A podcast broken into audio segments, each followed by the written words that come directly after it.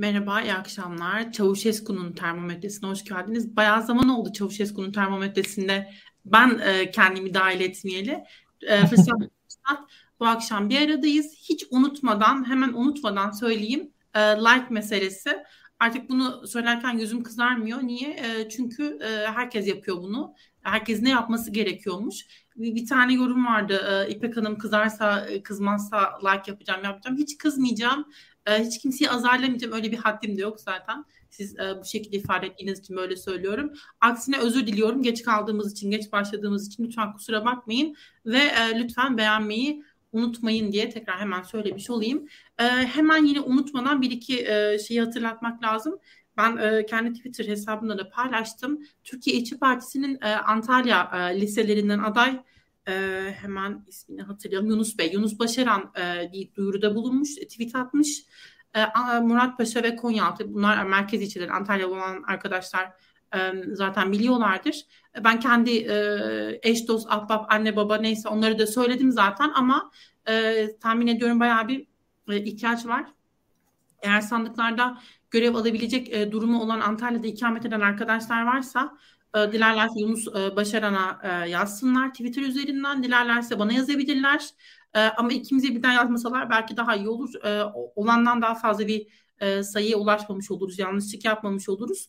Yarın 14'e kadar zamanları varmış. O yüzden bu gece bu işi halledersek çok iyi olur diye duyurusunu yapmış olayım. Tabii bir yanıyla tabii bunlar Antalya'nın merkez ilçeleri ve çok tahmin ediyorum ki yani Cumhuriyet Halk Partisi, İyi Parti bu partilerin şeyleri vardır. eminim sandık görevlileri vardır. Müşahitler de vardır. Hani içimiz rahat olsun ama fazla sandık görevlisi de herhalde göz çıkarmaz. Bir de Antalya'nın merkezindeki bir yerde hani yani Türkiye hani öyle bir demokrasi birikiminin olduğunu inanıyorum. bir sorun olmayacaktır ama güzel olur. Bu arada sandık görevlisi olduğunuzda bir resmi statü de oluyor arkadaşlar. para da kazanıyorsunuz günlük orada. Bilmiyorum bu sene kaç para. Ama e, güzel bir cep harçlığı. Hani genç arkadaşlar da varsa değerlendirebilirler. E, neyse bunu da hatırlattıktan sonra asıl konumuza dönelim. Bu akşam meclisi konuşacağız. Meclisi kim kazanacak, kim kazanamayacak, nasıl bir e, senaryo ile karşılaşacağız, nasıl bir şey olacak, nasıl bir meclis olacak. Bunu konuşalım diye geldik. E, ve tabii ki seçim uzmanımız e, Nezi Onur Kuru. Artık bu işlerin piri. Böyle adım adım basamak basamak. Şuradan şu çıkacak buradan bu çıkacak. Bilmiyorum eğer e, tahminler doğru olmazsa seçimden sonra bir daha konuşuruz. Ama e, umarım doğru olur. Umarım iyi olur. İyi olan tahminler e, gerçekleşir. Bir de bir e, yorum vardı. Acaba seçim akşamı yayın yapacak mıyız diye. Evet nasipse kısmetse Allah izin verirse, enerjimiz yeterse evet öyle bir hayalimiz var. Bakalım yapabilecek miyiz öyle bir yayın? Öyle bir yayın yapmak istiyoruz ama öyle bir niyetimiz var onu da söyleyeyim. Ve başlayalım o zaman. Nedir e, Nezih? E, son senaryo eldeki veriler neyi söylüyor? Kim kazanacak? Nasıl olacak? Bu arada şöyle bir özür dileyelim e, izleyicilerimizden. E, yayına geç başladık ama e, makul bir gerekçemiz var. E, tip milletvekili ve aday milletvekili adayı Sayın Ahmet Şık'la bir telefon görüşmesi yaptık. O da selamlarını iletti izleyicilere. Ee, birkaç detaylı e, veriler hakkında konuştuk. Kendi seçim bölgesi İstanbul hakkında.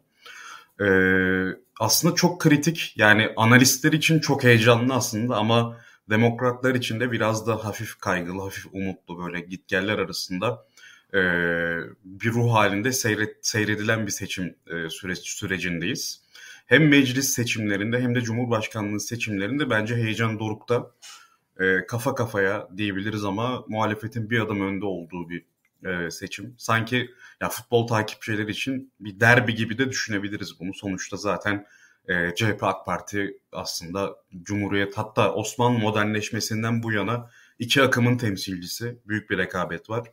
E, Kılıçdaroğlu ile Erdoğan da zaten e, birbirleriyle 13 yıldır rekabet ediyorlar. Yani bir derbiye çıkıyoruz aslında. Bu derbi ilk turdan bitecek, ikinci turdan bitecek. Göreceğiz. E, şimdilik ikinci tura kalacak gibi görünüyor ama e, Türkiye siyasetinde bilhassa Muharrem İnce gibi ve Memleket Partisi gibi e, lider odaklı bir hareketin oy oranları çok çabuk dalgalanabiliyor. Aşağı veya yukarıya doğru. E, çok aşağıya doğru da dalgalanabilir ve e, seçim ilk turda da bitebilir. Bu ihtimal tabii ki var ama Şimdilik biz seçimin ikinci tura kalacağını öngörüyoruz.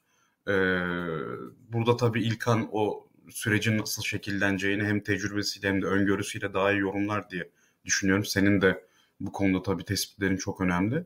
E, ama benim gördüğüm kadarıyla e, çok büyük bir değişiklik olmazsa e, ikinci tura kalacak gibi görünüyor seçim. İkinci turda da tabii ki muhalefetin büyük avantajı var. Çünkü Erdoğan karşıtı blok aslında %55. Tabii ki bu %55'in Erdoğan karşıtlığı aynı seviyede değil. Yani CHP seçmenlerinin Erdoğan karşıtlığıyla son 2-3 yıldır Erdoğan'dan kopmuş veya son 1 yıldır Erdoğan'dan kopmuş seçmenin Erdoğan karşıtlığı bir değil ama neticede e, Erdoğan'a e, Erdoğan'ın rakibine oy verebilecek olan %55'lik bir çoğunluktan bahsediyoruz ve Kemal Kılıçdaroğlu da %55'in ne kadarını alabilirse o kadar başarılı olabilecek e, ve muhtemelen de 50'nin üzerinde bir oy oranı ulaşabilecek gibi görünüyor ve ikinci turda daha avantajlı şimdilik. Tabii burada meclis e, aritmetiği de çok önemli olacak ama meclis aritmetiğinde de şöyle bir durum var. Diyelim ki 290'larda kaldı muhalefet tarafı. E, bence çok da büyük bir dezavantaj olmayabilir bu muhalefet için. Çünkü hepimiz biliyoruz ki 290'larda olan sayı bir şekilde 300'lerin üzerine taşınabilir eğer Cumhurbaşkanlığı kazanılırsa. E, bunun tabii ölüm, sağlık, hastalık gibi durumları da var mecliste. E, dolayısıyla e, çok da büyük bir dezavantaj yaratmayabilir 290'larda kalması muhalefetin ama 290'lardan aşağıda bir e, sonuçta tabii ki avantaj kaybedecektir e, muhalefet. Aynısı tabii Erdoğan için de geçerli. E, şimdilik hani böyle bir giriş yapmış olayım ben. Ya meclis öyle bir e, denklem var ki orada. Bir de hani ikinci süre kalırsa orada pazarlıklar olur muydu olmaz mıydı? Arada acaba geçişler olur muydu olmaz mıydı? Bunların hepsi soru işareti. E, ikinci tura kalma ihtimalini ben böyle enerjisel olarak da düşünmeme eğilimindeydim ama e, herkese aşağı yukarı aynı şeyleri söylüyor. Bilmiyorum İlkan ne söyleyecek merak ediyorum. İlkan seçimler iki tura kalır mı Cumhurbaşkanlığı seçimleri? Şimdi Maya e, öncelikle biz de izleyicilerden yayını beğenmelerini paylaşmalarını isteyelim. E, özellikle yayından sonra da yorum yapmaya devam etsinler. E, yayını ne kadar beğenmediklerini de o zaman söylesinler mesela. Biz de onlara cevap verin. Biraz polemik olsun. Ee, konuşalım. Yani e, İlkan ne saçmalıyor, Nezih'in işte bu haftaki tahminlere ne kadar yanlış falan da diyebilir arkadaşlar. Ee, her türlü konuşabiliriz. Ee, bunun haricinde evet e, gerçekten gergin bir seçim. Yani e, ben e, ya benim hayatımın en uzun günü olacak. Yani açık net söyleyeyim size yani açıkçası. Ee, 14 Mayıs günü düşünüyorum o gün oy vermek için yüz binlerce kişi otobüse binecek Hatay'a, Maraş'a, Adıyaman'a gidecek. Oyunu verecek ve aynı gün yaşadıkları depremden kaçtıkları yere geri dönecekler. Ee, tek tek o gün olacakları düşünüyorum. O gün birçok insan sabah saat 6'da kalkacak. E, kendine bir raz erzak hazırlayacak. Bir pet şişe su dolduracak. Sandık görevlerinin başlarına gidecekler. E, yani deprem yöresinde kurulacak sandıkları düşünüyorum. Bir yandan aklımdan e, senin yaptığın yayındaki e, Kenan Bey'in anlatışı geliyor. Böyle uçaklarla gelen o oy pusulaları, o, o şeyler, e, çuvallarla beraber e, milletvekillerinin kontrolünde Türkiye'ye gelen oylar geliyor. Hak, ya, hakikaten böyle bir e, e, Jerry Bruckheimer'ın bir aksiyon filmi izler gibi böyle Coneyer'i falan izler gibi oldum onu dinlerken bile. E, açıkçası e, çok çok çok çok önemli bir güne doğru gidiyoruz. Ve şöyle söyleyeyim, e, seçimlerin ikinci sıra kalmamasını çok istiyorum. Yani bu iş kalmadan biterse çok iyi olur Türkiye için. Kalması, şöyle, sandık, kısmında değilim ben işin açıkçası. Ancak, beni ürküten başka şeyler var. Ve de burada da, terör olayları da değil hatta. Artık şu noktadayım. Eee, Caner'le yaptığımız geçen yayından beri ben o 15 günün ekonomik, getirisinden götürüsünden korkmaya başladım. Yani şu anki Türkiye toplumunun, eee, terör saldırılarının eee, etkisi konusunda öyle nasıl bir, eee, tavırda olacağı belli olmadığı için öyle bir saldırı riski çok görmüyorum. Yani belli olmaz o işler. Ki mesela İspanya'da bir terör saldırısı olmuştu seçim arifesinde hatırlarsın belki Madrid metro bombalaması ve o genelde sağ hükümetin, eee, oylarını arttıracak diye umuluyordu. Ama tam tersine sol bir hükümet geldi ve İspanya devleti Irak işgaline desteğini bitirdi. İspanya, Amerika, İngiltere o Tony Blair'li şeyin yanında Zapatero. Eee, hatta şey vardı. Tayyip Erdoğan'ın medeniyetler eee, işte buluşması şeyinde o e, Orta Doğu Medeniyetler İttifakı diye bir şey yaptılar ya. Medeniyetler Aynen orada dostum Zapatero diyordu. O Zapatero e, bir e, metro bombalaması neticesinde İspanya'da hükümetten ayrılmıştı İspanya'da. E, yani belli olmaz o işler. Yani kime gelecek. O yüzden ben daha ziyade terörden korkuyorum. Ama terörden değil ekonomik yalpalamadan korkuyorum. Hele hele şu günlerdeki ekonomik hareketleri belki sorarsın, belki sormazsın. E, oluşan çifte kur sistemini de gördükçe e, Tayyip Erdoğan bir defa e, hatırlarsın Maya e, 2019 yerel seçimleri sonrasında onlar topal ördek demişti. Çok yanlış ve cahilce bir tabirdi açıkçası bu. Topal ördek tabirinin asıl, asıl kullanılması gereken zaman o 15 gün. Aslında o 15 gün Tayyip Erdoğan hükümeti muhtemelen topal ördek olacak. Ve 15 gün Türkiye'nin bürokrasisinin ne yapacağı belli olmayacak ve 15 gün aslında mesela Merkez Bankası bürokratların nasıl reaksiyon vereceğini biz bilmiyor olacağız. Bugün bakılırsa çok fazla e, ne diyelim e, geleneksel olmayan e, finansal tedbirle Türkiye Cumhuriyeti'nin ekonomisi ayakta duruyor. O geleneksel olmayan tedbirlerin bir kısmı e, hükümete zaten hükümet gidici diye uygulanmazsa bile enteresan şeyler olabilir Türkiye'de. Öyle söyleyeyim ben. Yani bir günde enteresan bir dolar hareketi falan görebilir. Gerek yok bunlara. Yani biz bir an evvel bu iş olsun bitsin. Ee, yani hakikaten şu an çok tehlikeli bir noktadayız. Yani e, gerek e, hazinedeki e, işte Merkez Bankası'ndaki e, döviz rezervleri meselesi çok ciddi bir mesele şu anda. Kur meselesi çok ciddi bir mesele. Çok ciddi risk altındayız. Arjantin'de yaşananları şu an bizim izleyicilerimiz takip ediyorlardır. Biz belki eski rahat günlerimizde olsaydık oturup Arjantin ekonomisi falan programı yapardık burada seninle beraber.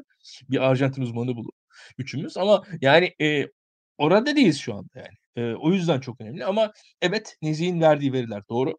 Türkiye'de seçimler ikinci tura muhtemelen kalacak. E, ve özellikle ben ekonomiden korkuyorum bu süreçte. Öyle söyleyeyim. E, ama seçime kadar da e, şu an yoğun bir miting zamanına geldik.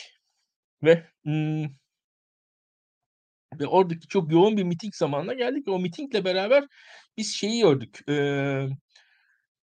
göreceğiz.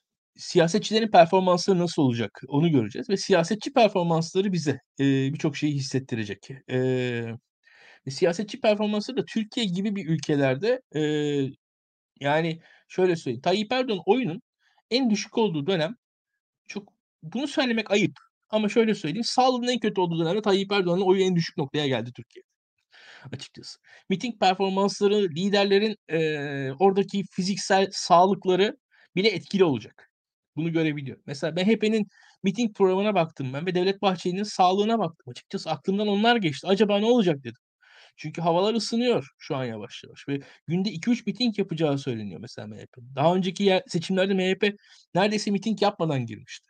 Şu an MHP bayağı mitingler yapacakmış. Nasıl olacak o mitingler ben merak ediyorum açıkçası. Ee, onun gibi onun dışında özellikle liderlerin e, kürsü performansları, fiziksel sağlıkları, sıhhatleri çok önemli olacak. Bakın şöyle söyleyeyim. E, mesela Muharrem Bey'in oyunu %20'lerden 30'lara, Meral Akşener'in oyunu 15'lerden 8'lere indiren şey, 7'lere indiren şey geçen seçimde mesela. Muharrem İnce'nin bence kürsüde koştura koştura çıkması, o enerjisini hissettirmesiydi geçen seçimde. Ya hakikaten öyleydi. Ve o e, bunun önemi var mı? Komik ama önemi var. Ha, bu, bu şu demek değil. E, işte adam ne güzel koşturuyor diye AKP'li birisi e, CHP'li olmuyor ama muhalefet içerisinde mesela bu dengeyi değiştirebiliyor. Aynı şekilde e, yeniden Refah'la Adalet ve Kalkınma Partisi arasında, MHP ile Adalet ve Kalkınma Partisi arasında, yeniden Refah arasında en azından ittifak içinde böyle hareketleri liderlerin performansı çok net etkiler diye düşünüyorum bir defa. Yani biz bunu göreceğiz. Bunun haricinde e, şöyle söyleyeyim. E, ben Memleket Partisi meselesinin yavaş yavaş oyların düşmekte olduğunu düşünüyorum. Ama orada e, o düşen oyların bir kısmında Sinan Oğan'a gittiğini görüyorum kendim. Tespit olarak söyleyebilirim. Yani izlenimim biraz bu. Dışarıdan gördüğüm şey bu. Bu, bu çok ankete dayanmıyor. Bu biraz hisse dayanıyor. Şu an görebildiğim şeyler bunlar. Bunun yanında e, muhalefetin birazcık daha söylemlerini toparladığını görüyorum. Kılıçdaroğlu'nun Mansur Bey ve Ekrem Bey ile somut olarak yan yana gelmesi önemli, olumlu şeyler. Ee, yani mitinglerde muhalefetin hareketli olduğunu görebiliyoruz burada. Bunlar da gene olumlu. Ama buna karşın iktidarın da yani ga- gayet sert bir şekilde mücadele ettiğini göreceğiz. Yani Tayyip Erdoğan öyle kolay bir şekilde iktidar vermeyecek. O da çok net gözüküyor. Ee, ciddi bir miting programı hazırlanmış durumda. Bizler hatırlarsanız e, deprem sonrasında bu erken seçim kararı alındığı zaman seçim şarkısı duymayacağımız söylenmişti. Şarkılar geldi. Mitingler geldi. Bakarsanız yavaş yavaş afişler çoğalmaya başladı. Genelde yani e, bir tırmalama e, başladı yani. Şu anda aslında iktidar kendi tahmin ettiği noktaya kadar da bence oyunu getiremedi ki zaten bu bedava doğalgaz diye bir şey çıktı. Yani normalde Türkiye'de ben her, herhangi bir şeyin böyle bedava falan olduğunu görmedim. Bir anda bedava doğalgaz e, gündemi çıktı ortaya. E, bu da e, açıkçası daha dün emekli maaşlarında bile bir noktadan fazlasını yapmayan, bir noktadan fazla bir artışa gidemeyen hükümetin bugün doğalgazda böyle bir e, bedava noktasına gelebil gelmiş olması demek ki şu an Tayyip Erdoğan hükümeti seçimi o günden daha zor da görüyor. O gün ben ne olursa olsun bir şekilde çözerim diye düşünüyordu Tayyip Erdoğan ki emekli maaşlarını o kadar arttırmadı asgari ücrete kıyasla. Em- e, emekli maaşları sorunlu kalmaya devam etti. Emeklilerde ciddi bir tepki oluştu o zaman. Ama bakılırsa da şu anda da e, daha zor durumda görüyor ki böyle bir doğalgaz e, açıkçası hareketinde bulundu. Kolay değil ama yani şöyle söyleyeyim. Ben şu anda bir muhalif e, gözüken bir yorumcu olarak mesela Tayyip Erdoğan'ın bu doğalgaz hamlesi Rusya ile olan ilişkilerinin bir yansıması, Rusya'nın Türkiye'deki seçimlere bir müdahalesi şeklinde yorumlasam doğru söylemiş olur muyum? Bence olurum. Ama halkta etkisi var mı? Ne yazık ki yok. Yani bir, bir de böyle bir şey var. Yani burada artık bizim e, ne kadar doğruları söylüyor olmamızın da bir anlamı yok aslında. Bunların etki yapıp yapmadığını, etkili olup olmadığını, hamlelerin karşılığının olup olmadığını konuşmamız gerekiyor. Ne yazık ki biraz e, şöyle söyleyelim, e, normlar üzerinden, e, değerler üzerinden yapılan analizlerin geride kaldığı, birazcık daha e, algılar üzerinden ve direkt seçim sonuçları üzerinden yapılan analizlerin öne çıktığı günlerden geçeceğiz. E, bakalım. Yani ben de seçimlerin açıkçası ikinci turda şu an açık kalacağını düşünüyorum. İkinci turda ben de muhalefeti önde görüyorum. Hatta şöyle söyleyeyim. Ben yavaş yavaş muhalefet ikinci turda o ikinci tur anketlerinden bir tık daha ileride görmeye de başladım. Yani bu da bir his. Ee, şöyle söyleyeyim. Biraz şöyle şundan doğan bir his. Acaba şunu düşünüyorum. Bir 23 Haziran seçimleri aklıma geliyor ve biraz da şey aklıma gelmeye başladı. Ee, Kemal Bey'in oylarını 28'lerden 40'lara çıkartan sürecin benzeri bir süreci e, Kemal Bey'in Bey'den haz etmeyen muhalif seçmenler yaşar diye umuyorum. Eğer öyle bir süreç olursa. E, o yüzden tabii tüm muhalefetin de kendi arasında birazcık daha yumuşak davranmaya devam etmesi gerekiyor herhalde. Bunu da ekleyeyim. Um, senin söylediğine ilişkin aklıma şey geldi. Bu Rusya'nın e, seçimlere müdahil olma meselesiyle ilgili. Yani biliyoruz işte e, hükümetin hükümet de demeyelim de bu AK Parti, MHP, Yeniden Refah, e, Hüdapar işte e, elinde kırbaçla gezen ve kırbaçlama hayali kuran her gün ve kadın haklarını tırpanlamak için böyle inanılmaz bir e, hevesle bekleyen bu e, garip ittifak hep suçluyor ya e, muhalefet partilerini. E, başka ülkelerden destek almak, başka ülkelerle farklı türden e, ilişkiler içinde olmak ve aslında tırnak içinde iç mihrak dediğimiz o e, içi boş e, kavram şunu mesela düşünüyorum. Neden acaba muhalefet e, buradan bir Rusya ile işbirliği üzerinden e, asıl başka ülkelerle bu türden ilişkiler kuran ve Türkiye'nin çıkarlarını öncelemektense e, bir başka ülkedeki bir otokratın çıkarlarını öncelemeye kalkan e, bir politika serisi uyguladığını anlatmaya kalkmıyor muhalefet diye düşünmüyor değilim açıkçası. Orada bir de yani e, işte yok Anadolu halkı muhafazakar yok Türk seçmen e, çok e, sağda diyoruz. E, yani bu işte 60'lardır 80'lerdir vesaire şey yok mu? Hani bu seçmene de hitap etmez mi? Aman komünist Rusya olmayalım biz dese Mansur Yavaş bir mitingde nasıl olur acaba? Tabii seçmen davranışı ve ya o bütün anlatıların e, inşa edilmesi çok kolay şeyler değil ama neden olmasın diye düşündüm. Bilmiyorum belki e, yanlış düşünüyorumdur ama aklıma geldi söylemiş olayım. Aralarda böyle küçük e, sorular var. Ben kilit sorular olduklarını düşünüyorum. Onları hemen sıkıştıracağım. Mesela oracı ankete güveniyor muyuz? Hasan Bey sormuş. Şöyle yansıtalım. Kim cevap vermek ister ya da cevap vermek ister misiniz? Ben vereyim. Ben çok güvenmiyorum. Tamam. Beni kurtardı İlkan. Ya şöyle açıkçası şimdi Türkiye'de pandemi e, araştırma sektörüne çok büyük bir darbe indirdi. O da şu yüz yüze araştırma yönteminden vazgeçildi. Telefonla araştırma yöntemini çok sevdiler.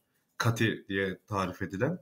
Fakat e, telefonla araştırma konusunu Türkiye e, çok sağlıklı bir ülke değil. Çünkü bizde e, belki eskiler hatırlar. E, ben ben de bir eski olarak hatırlıyorum. Böyle e, yani kamunun paylaştığı bir telefon rehberi vardı. Ev telefonu rehberleri. Bu açıkça paylaşılırdı ve tüm nüfusu neredeyse kaplardı. Çünkü kapsardı. Tüm haneleri bir şekilde ulaşırdı. Yani herkeste ev telefonu vardı az çok. Şimdi ev telefonundan vazgeçildi. Herkesin cep telefonu var deniyor ama Türkiye'de yaklaşık %15-20'lik bir kesimin cep telefonu yok. Bunlar çok yoksul kesim e, çoğunluğu. E, ve bazı hanelerde de sadece e, evi geçindiren kişinin telefonu oluyor. E, ve şöyle de bir problem var. Hem bu birinci problem şuydu yani tüm nüfusu kapsayamama ve en yoksulları temsil edememe. İkincisi de mesela Diyarbakır'da ikamet, ikamet eden birini arıyorsunuz ama belki de seçmen kaydı e, İstanbul'da örnek veriyorum. Yani hangi e, kategoriye koyacağınız, hangi şehir kategorisine koyacağınız belli değil. E, aynı zamanda şu da var, kotalı anket yöntemine de çok alışık sektör. Fakat telefon verileri üzerinden siz o kişilerin bilgilerini rahat rahat bulamıyorsunuz ve nerede nereye gideceğinizi aslında bilemiyorsunuz. Yani seçmen evrenini çok iyi yansıtan bir veri yok ortada ve ayrıca devletin açıkça yayınladığı ve herkesin ulaşabileceği resmi bir e, telefon verisi kaynağı da yok. Muhtemelen şirketler bunu başka şirketler üzerinden alıyorlar fakat bu da kanuna uygun değil. Etik de bir problem var, teknik problemler de var. Dolayısıyla telefon araştırması yapan firmalara ben çok e, yani firmalara demeyeyim, e, telefon e, kat yöntemiyle yapılmış anketlere çok çok güvenemiyorum Türkiye'de. Yani dünya genel için böyle konuşamam e, telefon anketiyle bilhassa da ay ay farklı örneklemlerle yapılıyorsa araştırma daha da zikzaklı sonuçlar ortaya çıkabiliyor. Diyelim ki telefon örneklemiyle bir grubu siz seçtiniz ve o grup üzerinden devam ediyorsunuz. En azından bir trendi okuma için e, o sonuçlar bize yardımcı olabilir. Yani e, resmin tamamını doğru göstermese bile seçilen bir örneklem içindeki dalgalanmayı bize anlatabilir. E, ama diğer türlü zaten bence çok da e, güvenilir sonuçlar üretmiyor. Daha çok yüz yüze yapılan e, anketleri ben değerlendirmeyi tercih ediyorum. Onlar da piyasaya pek yayınlanmıyor piyasada. Zaten genellikle de doğru yapılan, doğru düzgün yapılan tüm metodolojiye e, sadık şekilde ve akademik yayına uygun bir şekilde yapılan anketler pek piyasaya sürülmez. Piyasaya sürülen anketler o kadar da büyük maliyetlerle yapılan anketler değildir diye de aklınıza e, kazıyın derim yani açıkçası. Hani burada sonuçta ben de bir anket şirketinde çalışan kişi olarak teknik olarak rakiplerimiz olan şirketleri böyle çok karalamak falan istemem ama bunlar genel kaideler. Genel kaide olarak bunları söylemek isterim. Çok önemli. Ya, ben bir şey ekleyeyim. Ee, ya e, biraz kapitalistçe yaklaşalım. Ee, ya bir ürün bedavaysa ürün sizsiniz aslında. Yani biraz Öyle bakın. Ee, ya burada o anketin yani aslında ürünü sizin manipülasyonunuz yani o, onun için oluyor o iş. Bedava sunulan hizmetleri öyle bakabilirsiniz. Bir yorum gördüm. Selim Utku'nun yorumu. İlil anketleri de yüz yüze yapıyorlarmış diye de ben öyle olduğunu bilmiyordum. Orayıcı o zaman bu eleştirilerin dışında kalıyor. Fakat dediğim gibi ben anket şirket çalışanı olarak kendi verilerimi tercih ediyorum. Yani doğal olarak. Oracı hakkında da yorum yapmamayı tercih ediyorum. Ya evet zaten e, aslında bahsettiğin hususlar önemli. Herkes e, kendi tabii ki muhakemesini ortaya koyup e, ilan edilen veriler üzerinden ilerleyebilir ama bunu değerlendirmek önemli. Yani hangi ankete bakıp ne tür sonuçlar çıkarabileceğimiz e, ve kendi adımıza heyecanlanıp heyecanlanmayacağımız meselesi. Aslında gerçekten muhalif seçmenin e, inanılmaz sürece dahil olduğu, inanılmaz aktif olduğu da bir dönem demek belki yerinde olacaktır. Oysa ki e, iktidar e, tarafında hiç öyle bir heyecan da yok.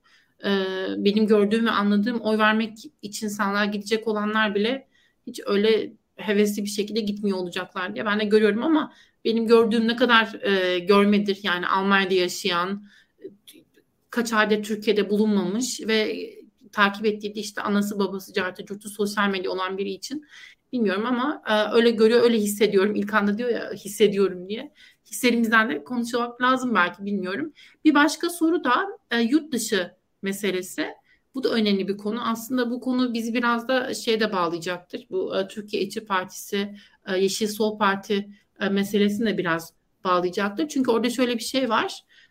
Bazı partiler her seçim bölgesinde yarışmıyorlar ve bunların aslında e, yurt dışından eğer oy veriliyorsa bunlar nasıl dağılacak? Bu da bir soru işareti. Çok fazla insan onu bilmiyor. Orada acaba nasıl bir strateji kurgulamak gerekir? Acaba nasıl e, oy kullanmak daha doğru olur? Sen ne dersin? Tabii bunu sadece e, Türkiye İçi Partisi, Yeşil Sol e, Parti açısından sormuyorum ama diğer muhalefet partilerini tercih edecek belki Millet İttifakı partilerini CHP ya da İyi Parti oy verecek e, kişiler için de e, sormuş olalım. Ben mi cevaplayayım İlkan mı? Sen cevapla istersen. Yani burada açıkçası en büyük partiye oy vermek en mantıklısı. Çünkü yani baktığınızda CHP en e, en çok sayıda ilde muhalefetin en büyük partisi olarak yarıştığı için. Özür dilerim. Ee, yani tabii seçmenler nasıl oy vereceklerine kendileri karar verecekler ama e, geçen seçimlerde e, HDP'nin yurt dışından gelen oylar sonucunda e, çıkardığı bazı vekillikler vardı. O aklıma geliyor. Hı. Belki sen beni doğrular ya da yanlışlarsın onunla ilgili. Hani on, onu o Cumhuriyet Halk Partisi'nde ya da diğer partilerde ne kadar oldu olmadı onu çok bilmiyorum. Ama Kocaeli örneğini hatırlıyorum. E, Yeşil Sol HDP'nin yani e, vekil çıkardığını ama sen doğrula ya da yanlış ya Orada şöyle İyi Parti ile HDP arasında vekil değişimi oldu. Ee, yani ben muhalefetin şöyle bakıyorum. Türkiye'de negatif kimliklenmeyle oy verildiği için Erdoğan kalsın Erdoğan gitsin seçimi yapıyoruz şu an. Eğer Erdoğan gitsin istiyorsanız en büyük partiye oy verin onun karşısındaki. Erdoğan kalsın istiyorsanız da AK Parti'ye oy verin. Yani yurt dışında yaşayan bir seçmene ben böyle bir öneride bulunurdum. Çok basit yani. yani ya, çok e, bu arada düşünmek, yani o kadar detaylı düşünmek çok uygun değil yurt dışı için. E, ben tek tek şunu da söyleyeyim bu arada. Yani Nezih'in anlattığına göre en fazla kritik ilde en fazla milletvekilliğini kritik bir şekilde çıkartma ihtimali olan parti en iddialı olan partilerdir ister istemez. Evet. Sonuçta en çok seçim çevresinde yarışan parti. En çok seçim çevresinde vekillik için yarışan partiye oy vermek. Yurt dışındaki bir seçmen için en e, oy tırnak için oyun manalı olsun istiyorsa en manalı yapacak şey oyunu odur. Ha burada şöyle bir şey var. E, Cumhuriyet Halk Partisi yurt dışından gelen oylarla 1 2 yani 2 3 ilde vekil kaybetti mesela. Bizim Onur Sağda Güzel bizim yayınlarda bunu söyledi. Yani kaybettikleri vekillikleri falan söyledi. Yani öyle e, yani sadece Kocaeli İzmit'te değil oradaki mesele. Yani e, CHP'nin de yurt dışından hani oradaki İzmit'te kazanıldığı için tabii o hatırlanıyor. Ona benzer işte bir iki il daha var aslında. Ve oradaki Gergerlioğlu nispeten daha ünlü bir vekil olduğu için çok iyi evet. hatırlanıyor konu. Ee, ama onun dışında da bayağı bir ilde yurt dışından gelen oylar. Ee, yani açıkçası akşam milletvekili oldum diye yastığa başını koymuş çok insan yurt dışı oylarla sabah e, sıradan bir vatandaş olarak hayatına devam etti. Yani o da hmm. enteresan bir şey. Yani bu seçimde bu daha da evet. Çünkü e, çok yani ittifak usulüyle dağıtılmıştı milletvekillikleri geçen seçimde. O yüzden CHP ile İyi Parti bir bloktu. AK Parti ile MHP bir bloktu. Aslında üç parti gibi yarıştı yani. AK Parti, Cumhur İttifakı, Millet İttifakı, HDP yarıştı geçen seçimde. Şimdi bütün partiler birbirleriyle yarışıyor. Bu seçim çok daha fazla el değiştirme imkanı olduğu için bunu önceden kestirmek çok zor. Yani modellemelere kehanet gözüyle bakmak gerekir böyle bir durumda. Öyle bakamayacağımız için bilimsel açıdan e, mantıklı olan nedir? E, en büyük parti oy vermektir yani yurt dışında. Eğer e, aslında şöyle Emek ve Özgürlük İttifakı'nda e, kendinizi yakın hissettiğiniz özellikle parti yoksa HDP oldu. Yani Yeşil, Yeşil Sol Parti'ye oy verilebilir yurt dışında. E, Millet İttifakı'nda CHP, Cumhur İttifakı'ndaysanız AK Parti oy verilebilir. Yani e, ben böyle bakardım stratejik açıdan. Yani bunu şu açıdan söylüyorum. Şimdi şey bazı insanlar... Senin için Maya yeniden refahtansı Adalet ve Kalkınma Partisi gibi yani öyle söyleyeyim. Şöyle, ittifakta. Şöyle düşünüyorum. Yani şimdi iki tip seçmen var kabaca. Ee, bir partiye gönülden bağlı olan seçmen var. Bir de stratejik oy veren seçmen var. Partilerine gönülden bağlı olan seçmenlere e, söz söylemek bana düşmez. Yani o bir siyasi angajman ona ben bir şey diyemem. Ama stratejik oy vermeyi tartışıyorsak stratejik tercih budur yani. Evet ya bir de şey böyle bir soruyu zaten gönülden bağlı birisi sormaz e, yani, teknik evet. olarak. Bir de öyle hani buradaki e, hani birazcık da şey kendi yorumcu tarafsızlığımızı e, korumak açısından söylemek lazım. Yani böyle bir soruyu zaten gönülden bağlı birisi sormaz. Oyunu verir geçer. Yani onun dışında ama gerçekten de eğer e, bu tarz e, vekil dağılımları etkili olacaksa oy, oy verme tercihinizde e, böyle bir şeyi öne, öne çıkartıyorsanız çıkar hani e, birinci tercihiniz mesela tırnak içinde Erdoğan'ın gitmesi yani partinizden önce oysa o zaman en büyük partiye oy vermek en mantıklısı açıkçası. Ha, ama partiniz de en büyük önemli tercihiniz olabilir. Bu arada Türkiye'de 20 yıldır da hani hiç kimsenin de öyle birinci tercih Erdoğan'ın gitmesi falan değil. Herkes partisine oy verdi. Gayet de e, öyle 25 yıldır seçimler böyle yapılıyor. O da çok anormal bir tercih değil. Onu da yapabilenler var. E, ama e, herkes tabii neticede o kabine girdiği zaman kendi vicdanıyla baş başa e, o vicdanıyla karar verecek diye düşünüyorum. Neticede hani anket diyoruz. En büyük anket 14 Mayıs'ta yapılacak. Ee, şey üçümüzün böyle bir anda konuştuğu bir an vardı. Ben de heyecanla e, şeyi söylemeye kalkıyordum. Aman AK Parti'ye işte oy verilir de verilmezdi. E, öyle hala düşünen arkadaşımız varsa bizi takip ettiği halde öyle düşünen arkadaşımız sanmıyorum. Ama bir oy bir oydur. E, aman ne olur yapmayın öyle bir şey. Gerekirse oy kullanmayın. Evde güzel bir pazar günü geçirin. Ki geçiremezsiniz çünkü ekonomi çok kötü zaten. E, eğer tabii bazı şirketlerden ihaleler falan kovalamadıysanız o zaman da bizi izliyor olmazsınız diye düşünüyorum ama neyse böyle bir e, şey de yapalım. Şimdi bakıyorum hemen birkaç e, başka küçük şey ama e, kısa cevap verelim ki e, uzun görselli e, konuşmaya zamanımız kalsın. O da şu Buse Hanım sormuş. İnce'nin oyunu yüzde 6-7 varsayarsak seçime bir hafta kala 5 puanlık bir muhtemel düşüş öngörür müsünüz? Çok kısa cevabınız varsa hemen alayım. Ben İlkan'ın cevabını merak ediyorum. İlkan Muharrem İnce konusunu çok yani kahin derecesinde. Yeniler ve Muharrem İnce uzmanı. Evet evet. Yok öyle bir uzmanlığım yok. Ee, öyle bir uzmanlığım yok. Ama şöyle söyleyeyim. Ee, Muharrem İnce'nin oyunu 6-7 varsaymak şu an için makul. Yani e, biz bu konuda e, fotoğrafları açıkladığımız için e, tepki görmüştük. Yani genelde de şöyle söyleyeyim. E, az çok bunu bilerek söylüyorum. Yani Nezih de ben de yani çok ünlü insanlar değiliz. E, yani tek e, şeyimiz e, ne diyeyim mühimmatımız dürüstlüğümüz yani. Bu böyle bir pozisyon bu daha başka bir elimizde bir güç yok bizim. Yani öyle bir kurumsal bir çok güçlü bağlarımız falan filan yok. O açıdan da e, neyse gördüğümüzü söylemekten başka öteye çok bir e, e, burada olmamızın anlamı yok. Yani büyük profesörler, ünlü yorumcular falan değiliz yani neticede. Gördüğümüzü söylediğimiz için buradayız. E, evet %6-7 şu an ciddi bir oy orada gözüküyor. Evet bence de düşüşte. E, burada şu, şu önemli. Şimdi Genç Parti'nin oyları %15'e kadar çıkmıştı aslında. E, 2002'lerde falan. E, %7'ye indi. Bizim e, seçime doğru seçmenlerde büyük partilere doğru yönelmeler olur. Bu psikolojik bir şeydir. Yani gerçekten de oluyor. Ve Türk halkı da e, sandık tecrübesi olan bir halk. Şöyle söyleyeyim. Yani insanlar o oyu vermek için evlerinden çıkacaklar. 500 metre yürüyecekler. E, pazar günlerinden fedakarlık edecekler. Yani poğaça almaya çıkmayan e, babalar vardır. İşte atıyorum anneler kızar. Git dost doğru bir şey yap falan. Da. Hani onun gibi o insanlar zorlanacaklar. O pazar günlerini feda edecekler nispeten böyle bir şey için. E, sıraya girecekler. E, Orada tanımadıkları insanlarla muhatap olacaklar. Polisleri görecekler, biraz rahatsız olacaklar. Eee, sosyal anksiyetesi olan çok insan da vardır. Yani böyle sinirle oy verecekler. Üst kata çıkacaklar, öfleyecekler, püfleyecekler. Çirkin, yalnız, yaşlı, sevmedikleri insanları görecekler. Bütün bunlara rağmen oy vermeyi tercih etmeleri için eee, oy ver, verdikleri oyun bir etkisi olmasını istiyor insanların bayağı kısmında. Yani az önce söylediklerimizle de bunu birleştirelim. Eee, bu da insanları öyle ya da böyle büyük partilere yönlendirecektir diye düşünüyorum ben. Şu anda e, ince tarafı yine bir e, başarısız kampanya tarafına doğru geçiyor şu an bence. E, kendilerini e, çok öfkeli hale getir, getirdiler şu anda ve e, açıkçası şu an ince taraftarı olup öfkeli şekilde tweet atan çok kişi görmeye başladım ben. Bu biraz oyların düştüğünü gösteriyor. Yine aynı şekilde Türkiye çapında oy almak çok ciddi bir şey. Örgüt çok önemli bir şey şu an o örgütsüzlüğün etkisini ince çekiyor. Büyük miting düzenleyemiyor. Kapalı alanlarda veyahut da işte esnaf ziyaretlerinde ancak kendisini gösterebiliyor. Ee, yani performansı nispeten daha düşük kaldı. Bugün bakarsanız Cumhuriyet Halk Partisi mesela gücünü görüyorsunuz. Her gün bir yerde bir miting yapıyor böyle. Yüz binler, on binler yolların her tarafı dolu otobüsler geçiyor falan. Bunun bir etkisi illaki vardır.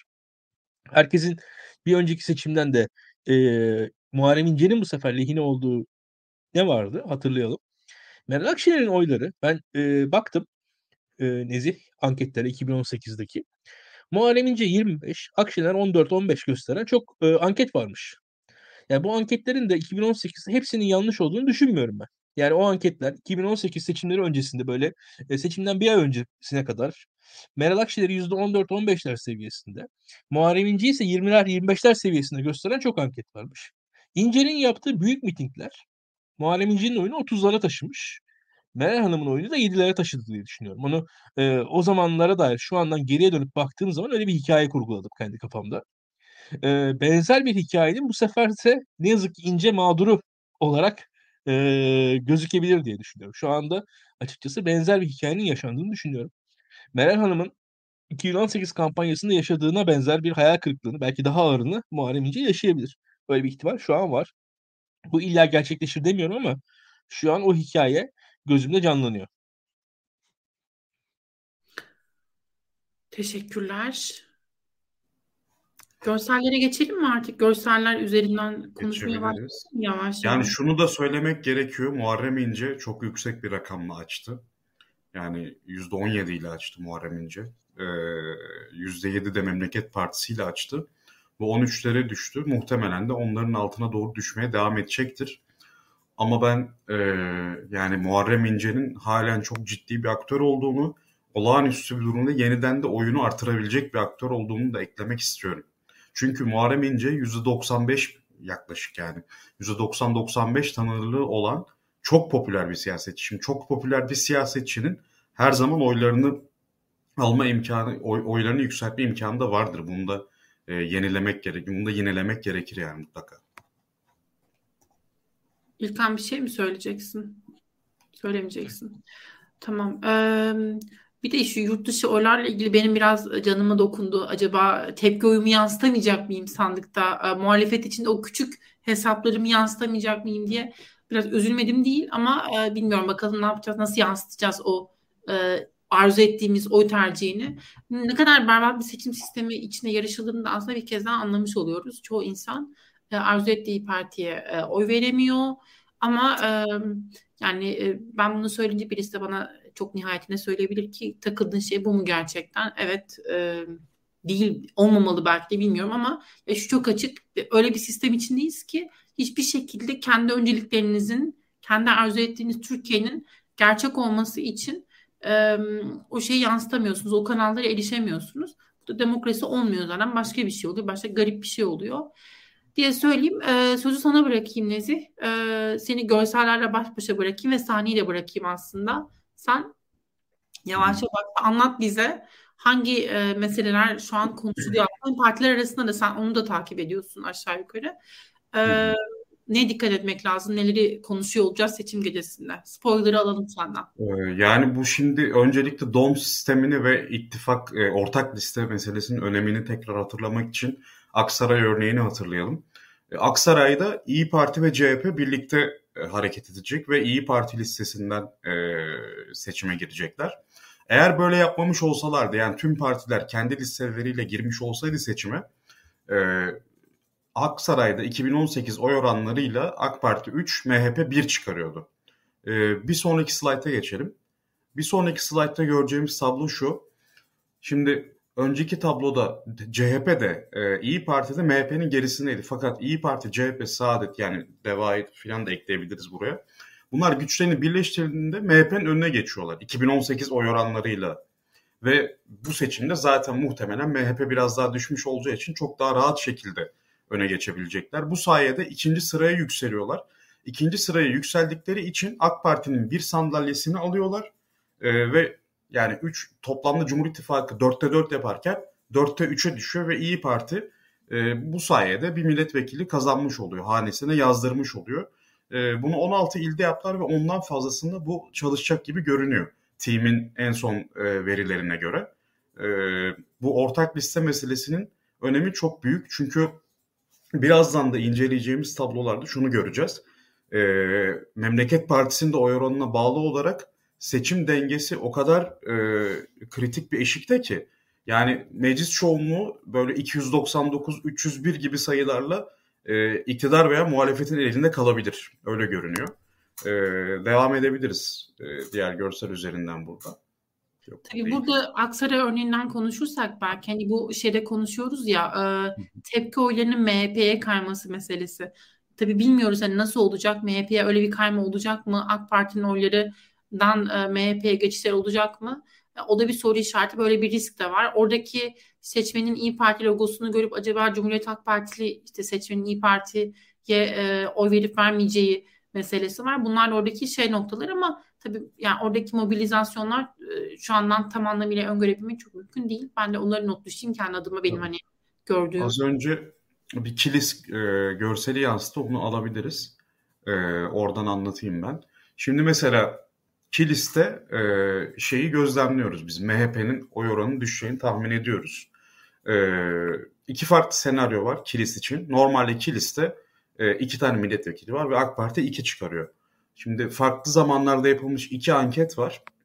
Bu iki ankette iki farklı senaryoyu inceleyeceğiz. Birincisinde AK Parti %50, MHP %20, e, CHP 14, İyi Parti 10.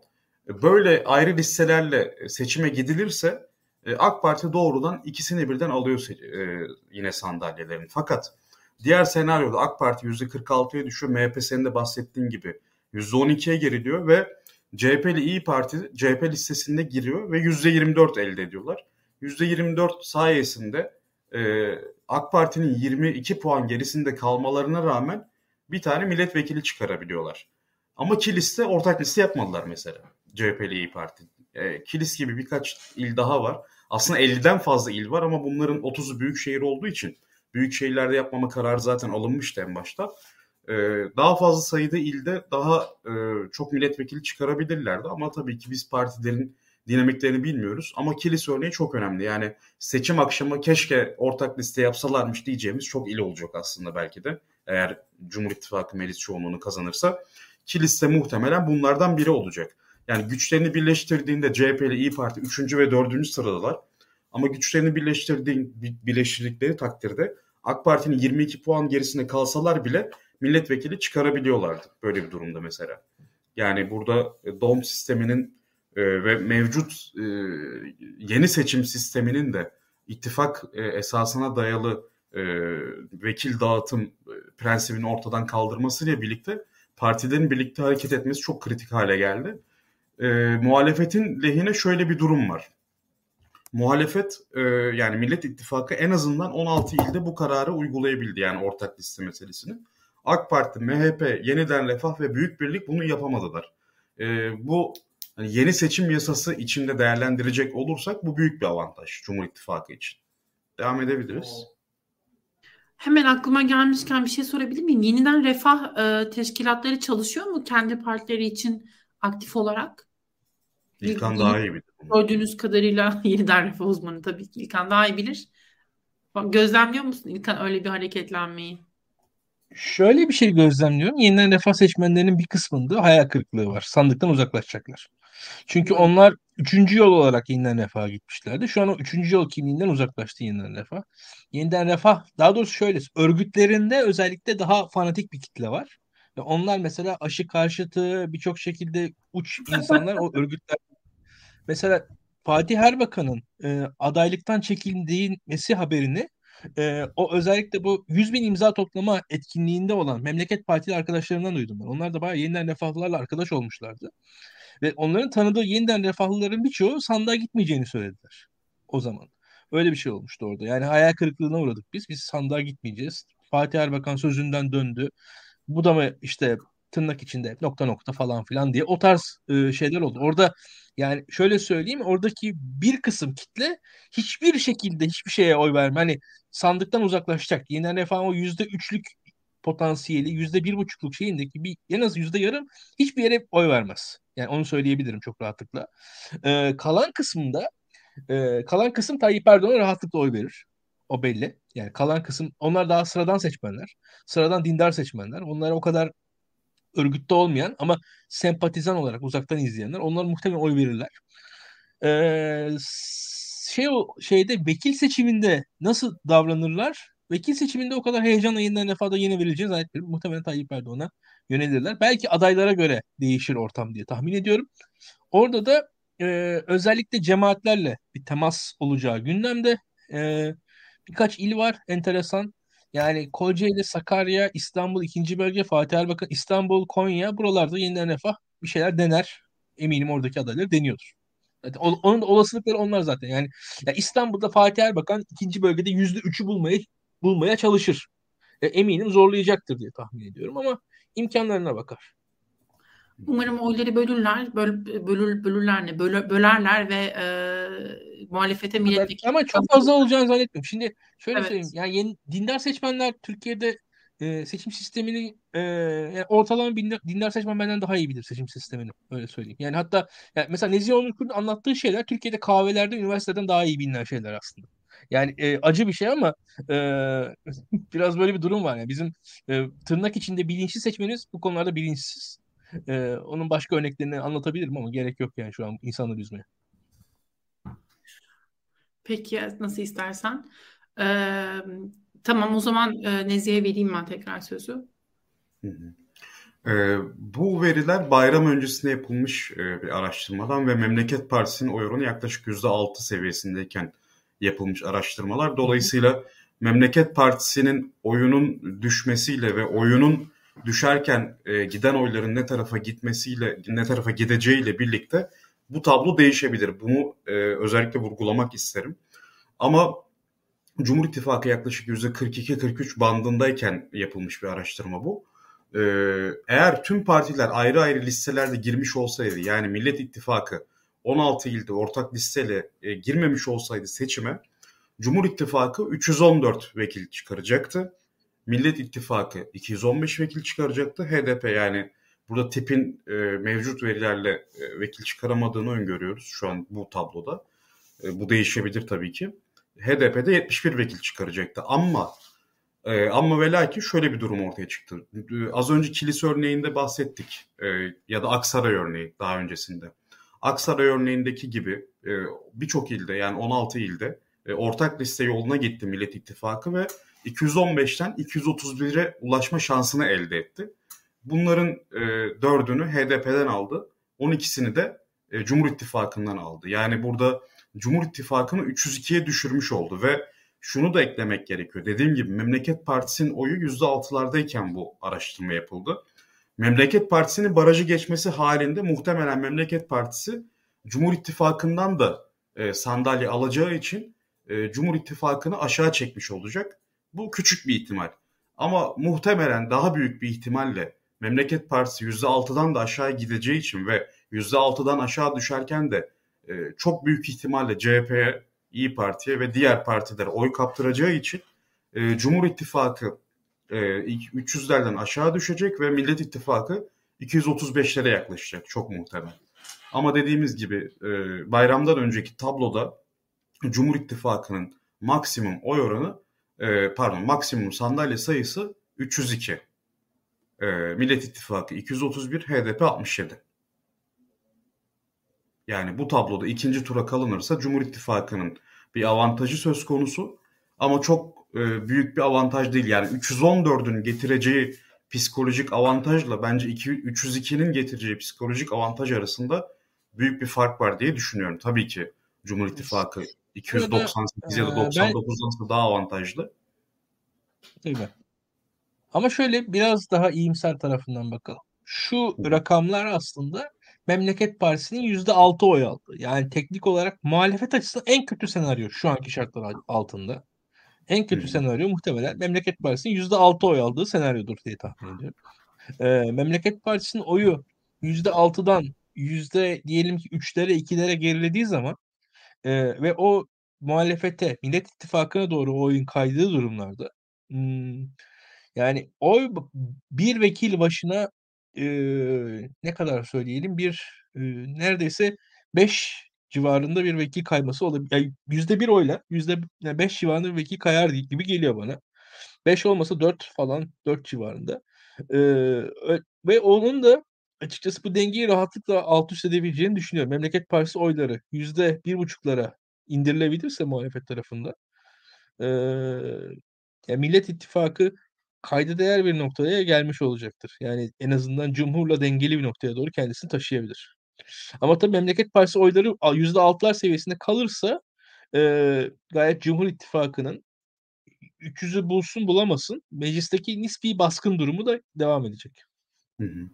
Aslında yani Memleket Partisi'nin Millet İttifakı aleyhine e, en çok zarar getireceği durum Memleket Partisi'nin barajın eşiğinde kalması. Barajı geçmesiyle birlikte Cumhur İttifakı'nı aşağı çekebilir ama barajın eşiğinde kaldığı anda e, Cumhur İttifakı'na e, çok büyük bir zarar vermiyor. Millet İttifakı'na daha çok zarar veriyor. Ama şu da var. Şimdi şöyle bir ezber var açıkçası. Memleket Partisi ya da Muharrem İnce oyların tamamını sanki Kılıçdaroğlu'na oy verecek seçmenden alıyor gibi yanlış bir algı var. Muharrem İnce'nin oylarının yaklaşık yarısı muhalefete daha çok yakın olan seçmenden. Ama e, aslında bu yarısının da içinde yani şöyle kabaca bahsedelim. 100 seçmeni varsa e, Cumhur İttifakı e, pardon Memleket Partisi'nin ya da Muharrem İnce'nin e, seçmeninin bunların yaklaşık 30-35'i eski CHP İyi Parti seçmeni yine yaklaşık 30'u AK Parti e, ve MHP seçmeni 40, geriye kalan 40'lık büyük kesimse 2018'de oy vermemiş sandığa gitmemişler ve 2018'de yaşı tutmamış olan yeni seçmenler. Yani Memleket Partisi aslında ve Muharrem İnce birçok farklı grubu bir arada barındıran bir heterojen bir yapı aslında ve tabii ki bu kolay dağılabilir bir yapı. Çünkü bir parti aidiyeti yok, ortada ideolojik bir angajman yok. E, liderin performansı çok zikzaklı. Ama dediğim gibi Memleket Partisi'nin oyunu yükseltme ihtimali de var. Yani çok büyük bir ihtimal değil. Ama Türkiye öyle bir ülke ki yani yarın deprem olmaz diyemezsiniz Türkiye'de. Yarın deprem olur ve Muharrem İnce çok büyük bir performans ortaya koyabilir. Tıpkı Maraş'ta yaptığı gibi yeniden oyunu yükseltebilir veya başka bir kriz yaşanabilir. Ee, yani Türkiye'de göç konusu, terör konusu, doğal afetler konusu bunlar çok büyük e, varoluşsal krizlere neden olabilecek konu başlıkları ve kalan 20 günde bunlarla ilgili büyük şeyler de yaşanabileceği için ben böyle Muharrem İnce kesinlikle düşüyor ya da Memleket Partisi kesinlikle düşüyor gibi argümanlarla e, motivated reasoning deniyor buna işte böyle motivasyon belli bir motivasyon çerçevesindeki akıl yürütmelere kendinizi e, kaptırmayın derim. Yani yalnızca bu şekilde düşünmeyin. Birçok hipotezi bir arada düşünün. Kafanızda farklı farklı senaryoları canlandırın derim açıkçası. Ama tabii ki büyük bir ihtimalle İlkan'ın da belirttiği gibi Memleket Partisi düşecek. Düştükçe de Millet İttifakı lehine bir düşüş olacak. Bu Kılıçdaroğlu'na ilk turda vermek istemeyen yani Ekrem İmamoğlu veya Mansur Yavaş'ın aday olmasını isteyip Kılıçdaroğlu'na daha tepkili olan seçmenlerin e, CHP ve İyi Parti'ye dönmesiyle birlikte Millet İttifakı'nın e, sayısı artacak, vekil sayısı. Cumhur İttifakı'nın düşecek.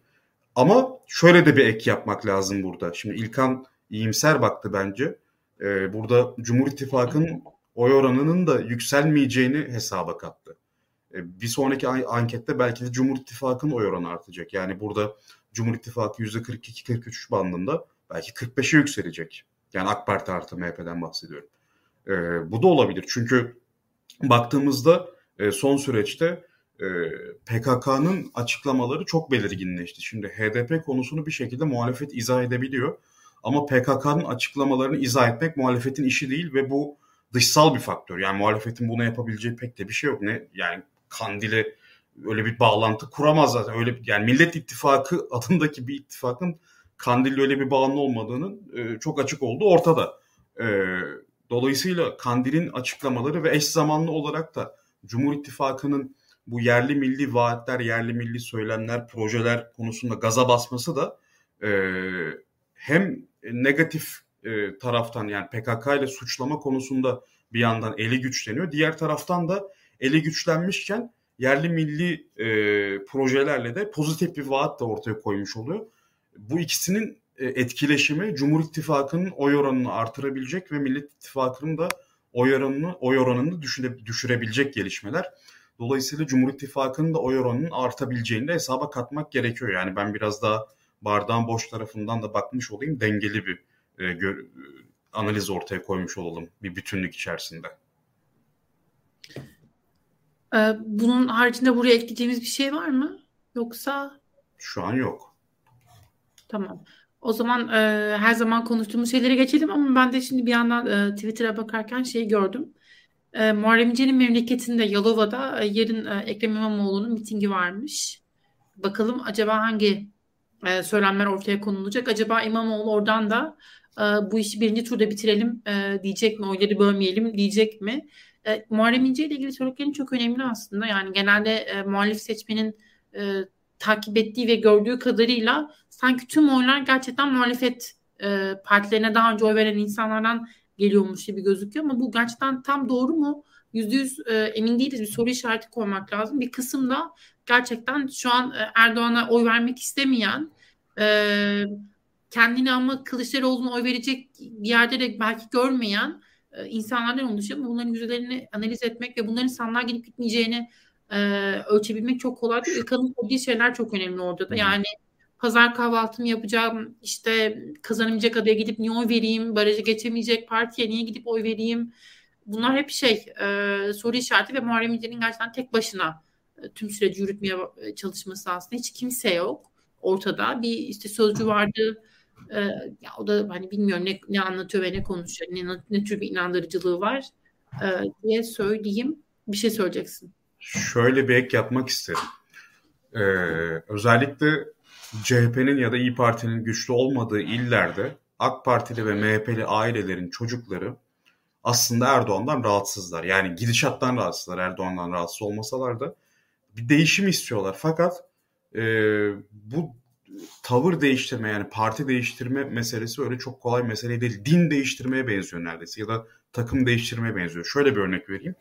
Diyelim ki siz işte Fenerbahçe ya da Galatasaray taraftarısınız. Diyelim ki Galatasaray. Galatasaray küme düştü. Çok kötü yönetildi vesaire. Ya da yani onun gibi bir şey. Çok büyük bir skandal başına geldi Galatasaray'ın. Ama siz Galatasaray küme düştü diye gidip Fenerbahçe'yi desteklemezsiniz. Belki Trabzonspor'u destekleyebilirsiniz. Belki Beşiktaş'ı destekleyebilirsiniz ama Fenerbahçe'yi desteklemezsiniz. Ya şimdi Kılıçdaroğlu'nun adaylığıyla muhalefet aslında büyük bir risk almış oldu. Çünkü Kılıçdaroğlu Erdoğan rekabeti zaten seçmenin kutuplaşma hattındaki en belirgin iki sembolün rekabeti yani. Kılıçdaroğlu bir hatta Erdoğan bir hatta bunu 13 senedir zaten seçmen izliyor. Dolayısıyla yeni bir aktör karşısına koymadığınız için yani yeni bir mesela örnek veriyorum işte Başakşehir gibi bir takım ortaya çıktı diyelim.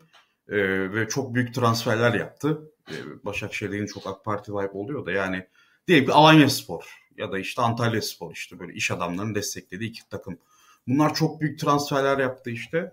E, ve şampiyonluğa oynuyorlar. Siz de Galatasaray'dan bıkmışsınız. E, Fenerbahçe yerine hazır Alanya ya da Antalya varken onlara gidersiniz. Ama böyle bir aktör de çıkmadı. E, dolayısıyla kolay değil yani Fenerbahçe'ye geçmek. İşte buradan sanki Adana Demir gibi oradan bir Muharrem İnce fırladı yani. O boşluğu doldurdu. Ve Muharrem İnce çok popüler bir aktör ve depremde de çok icraatçıydı yani. Ben Muharrem İnce'nin depremdeki hakkını teslim etmek isterim. Yani ben çok da şaşırmıştım yani. Televizyonda görünürlüğü, görünürlüğü nasıldı? Çok görünür müydü yani? Valla ya sosyal medyada çok görünürdü. Ben sosyal medya değil de televizyon için söyledim. Televizyon bilmiyorum. Televizyona bakmadım. Zaten ulaştığı kesim öyle çok yani gençlerden bahsediyoruz ya işte TikTok'ta ya da e, Twitch'te, Instagram'da, Twitter'da vesaire. Yani Muharrem İnce çok etkin kullandı orayı. Muharrem İnce Maraş'ta bayağı enkazın başına gitti. Yani biz siz herhangi bir lider hatırlıyor musunuz? Enkaz başında böyle bekleyen, orada yakınlarını teskin eden, arayan, soran. Ben hatırlamıyorum yani. Çok direkt aklıma gelmiyor. İlkan'ın gelir. İlkan e, daha iyi bilir yani böyle detayları. Ya ben Muharrem İnce hariç o kadar direkt sahaya giden birini hatırlamıyorum yani. Muharrem İnce orada büyük artı top büyük bir afette böyle bir fedakarlığı yaptığı için Muharrem İnce'ye teşekkür borçluyuz. Ben bunu da belirtmek isterim yani açıkçası. Ama dediğim gibi yani Muharrem İnce sonuçta %95'lik popülaritesini ve depremdeki performansını en başta çok iyi kullandı. Siyasetteki öfke ve aynı zamanda da coşku eksiğini de iyi kapattı. Çünkü biliyoruz ki Kılıçdaroğlu da 74 yaşında, Erdoğan 69 yaşında. E onların o, o denli öfke ve coşkuyu aynı anda ortaya koyabilecek enerjisi yok. Muharrem İnce o dengeyi de iyi sağladı. Bir yandan neşe ve coşkuyu iyi verdi. Bir yandan öfkeyi iyi verdi sisteme karşı. Ve sentrist ve popülerist, popülist değil, popülerist bir e, akım başlattı. Fakat bunu sürdürmekte çok zorlandı. Çünkü orada 2018 seçim gecesinde de gördüğümüz gibi e, çok öfkesine de hakim olamayan, duygu durumuna hakim olamayan bir liderlik tarzı var. Onun da e, böyle eksileri var. Desteğini korumakta zorlanıyor Muharrem İnce şu an için. E, ama e, kesinlikle vurgulamamız gerekir. Yani Muharrem İnce en başta çok başarılı başladı bu sürece. Ve e, dediğim gibi halen de muhtemelen e, birçok farklı illere gittiğinizde bilmiyorum seçim anketleri izliyor musunuz? Sadece İstanbul'dakileri izlemeyin. İstanbul'da, İzmir'de, Ankara'da, Ankara'nın merkez ilçelerinden bahsediyorum. AK Parti CHP kutuplaşması çok büyük. Buralarda İyi Parti oranı da çok düştü. Mesela sokak anketlerine bakın. İyi Parti oy verenlerin sayısı böyle Zafer Partisi ile falan aynı çıkar. Yani bunların seçmeni yakalamak zordur. Büyük, en büyük şehirlerde. Ama ben bugün örnek vereyim. Mesela Eskişehir'e gittim. Mesela Muharrem İnce diyen İstanbul'da 1-2 çıkıyor. Orada 15 çıkıyor. Ki bu Eskişehir. Sivas'a Erzurum'a gidin. Muhtemelen daha da yüksek çıkacak. Çünkü AK Partili, MHP'li gençler kendisine kanal arıyor. Bu Kılıçdaroğlu değil. Muharrem İnce diyorlar. Belki de Muharrem İnce şöyle bir işlev veriyor. Bu seçmenin ilk turda Erdoğan'a gitmemesini sağlıyor. ilk ilk aşamada. Belki ilk, ikinci turda bu, bu seçmeni ya Kılıçdaroğlu'na bir şekilde ikna edecek veya Erdoğan lehine oy vermemeye ikna edecek. Yani böyle bir fonksiyon da üstlenebilir. Bence bu yüzden CHP'li siyasetçiler doğru olanı yapıyor. Muharrem İnce'ye yüklenmiyorlar o kadar. Kemal Kılıçdaroğlu da yüklenmiyor. Bence doğru olanı yapıyorlar. Katılımı e, arttırıyor. Eğer e, o açıdan önemli aslında. Katılım arttığında da eğer e, işte Muharrem İnce e, tarafından sorulmuş olursa müstakbel AK Parti seçmenleri bu açıdan elverişli evet. olur ama e, çok iyi tanımladın. Araya giriyorum. Müstakbel AK Parti MHP seçmeni gidip Memleket Partisi'ne oy verirse AK Parti ve MHP'ye çok büyük bir kazık atmış oluyorlar aslında. Yani bu bence değerli bir durum. Ama burada tabii ki CHP ve İyi Parti'ye çok iş düşüyor. Yani CHP ve İyi Parti muhalif eğilimli Memleket Partisi ve Muharrem İnce seçmenlerini ikna etmek durumunda. Bunun için ya hatta e, e, şöyle bir söylem de olabilir insanlara. Ya bu seçimlik oyunuzu CHP'ye verin. İsterseniz Muharrem Bey'i de seçin ilk turda denilebilir. Yani o da e, yapılabilecek bir söylem açıkçası. Bir kahvehanede falan karşılaşırsanız Memleket Parti ile bir kafede siz Muharrem Bey oyunuzu verin ama o tarz yaklaşımlar gidilebilir. Yani bu biraz halk söylemi açıkçası. Ee, hani bu ben biraz şunu da istiyorum insanlardan. Ee, biz böyle bir siyaset konuşuyoruz. Belli bir seviyede konuşuyoruz. Rakamlarla konuşuyoruz ama insanlar böyle konuşmuyorlar. Yani e, mesela CHP, PKK falan dendiği zaman buna bir cevap verilmesi lazım. Yani bu bayramda gittiğiniz zaman amcanızla konuştuğunuz zaman şimdi amcanız sizin küçüklüğünüzü biliyor. Siz şu an doktora yapıyor olsanız da amcanızın gözünde 10 yaşında salıncakta sallanan bir çocuksunuz. Amcanızı ikna edecek cümlelere ihtiyaç var. Mesela bayramda gördüğünüz. Anneannenizi ikna edecek cümlelere ihtiyaç var. Yine aynı şekilde e, memleketteki akrabalarınızı ikna edecek cümlelere ihtiyaç var. E, bu açılardan da muhalefetin e, açıkçası e, rakamların ötesinde e, muhalif entelijansiyanın da biraz görevi bu tarz e, yaklaşımlarda bulunması gerekiyor diye düşünüyorum. Bunun haricinde gerçekten de e, sahaya inildikçe e, ince meselesinin boyutu biraz daha iyi görüldü. Yani burada gençler ciddi bir mesele. Çünkü Türkiye'de ne yazık ki son 5 yılda ciddi bir gençlik ve Z kuşağı övgüsü yaşanıyordu. Bu konuda yani Nezih çok konuşmuş, çok yazmış birisi. Ancak bu konu bir yerden sonra öyle bir saptı ki e, kontrolsüz bir gençlik övgüsüne yöneldi. En sonunda anketleri gördü kimi yorumcular. bir anda gençliğe ayar vermeye başladılar. Ee, ya, bi, biraz gerçekçi olmak lazım. Yani bu, bu gençlik nedir? Z kuşağı dediğiniz insanlar ya mesela Sivaslı bir Z kuşağı üyesi tırnak içinde kimdir? Nasıl bir hayat yaşar? Nasıl bir sosyal çevre içerisindedir ve kimlerden e, açıkçası e, siyasi zihni nasıl oluşur? Şöyle söyleyeyim. Siyasal programları mesela Maya Türkiye'de AB grubunun ötesi izlemez. E, iyi de Türkiye'nin herkes oy veriyor. Şimdi burada kalan insanlar nasıl oy tercihlerini oluştururlar buna bakmak lazım. Kalan insanlara ne yazık ki mesela Sivas'taki kalan insanlara C grubunda C grubu gelir seviyesinde olan bir Sivaslıya muhalefetin erişme yolu neredeyse yok. TikTok falan işte. Ve or oraları da kullananlar e, kullananlarla biz muhalifler dalga geçtik. Muharrem İnce ile Mustafa Sarıgül ile vesaire. Yani erişeceğiniz yer yok. Ve sizin o insanın e, okuduğu bir gazete yok zaten. izlediği televizyonlarda yoksunuz. Açıkçası okuldaki belki birkaç arkadaşı e, sizin partiden olabilir. O ihtimal var sadece. Şimdi bütün bunları düşünerek aslında siyasal propaganda oluşturulması gerekiyordu diye düşünüyorum. Bizler ya, tabii e, yani, yani yapmadılar. Bu işte zaten ya, sorun da bu ya. Yani öyle siyasi ya, parti yapılarından bahsediyoruz ki bu kanalları açabilecek, bu sohbetleri kurabilecek mekanizmaları e, ediyor, soğuruyor zaten. Sorun a, anladım. Şimdi şöyle e, şunu söyleyeceğim. Sonra 10 ee, GB mesele şu geliyorsun. Yani olmaz ki işte. Olmaz. Öyle olmuyor. Bir, bir saniye. E, şunu söyleyeyim. E, özellikle büyük şehirlerde gördüklerimizden ibaret değil Z kuşağı.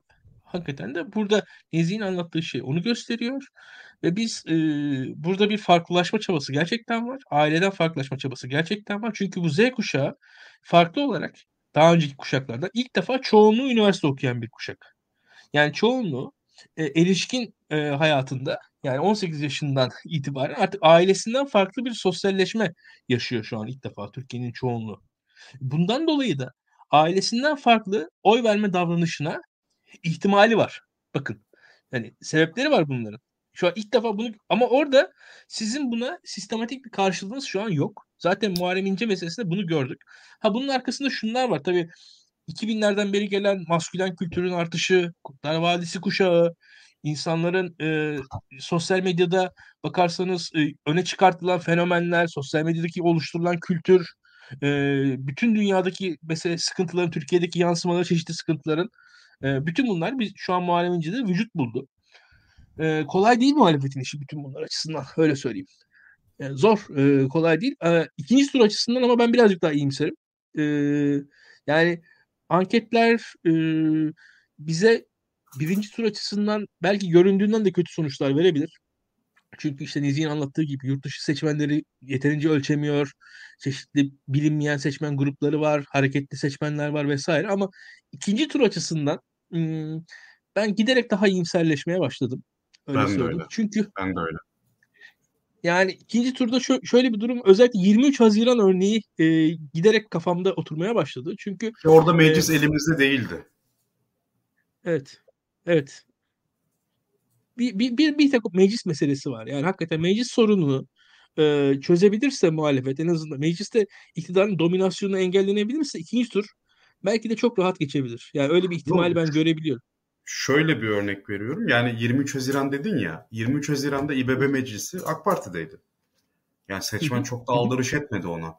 Yani orada e, Kılıçdaroğlu'nun sergileyeceği performans ya tabii ki Erdoğan'ın da sergileyeceği performans çok önemli olacak ama orayı böyle sakince geçmemek lazım. İkinci tura kalırsa yani İmamoğlu'nun nasıl ki 23 Haziran'da o motive ettiği e, motive etmesi gibi Kılıçdaroğlu da bunu farklı biçimlerde yapabilir. Mesela yani Alevi çıkışıyla birlikte aslında baktığınızda e, muhalefet tarafına konsolidasyonu çok büyüttü.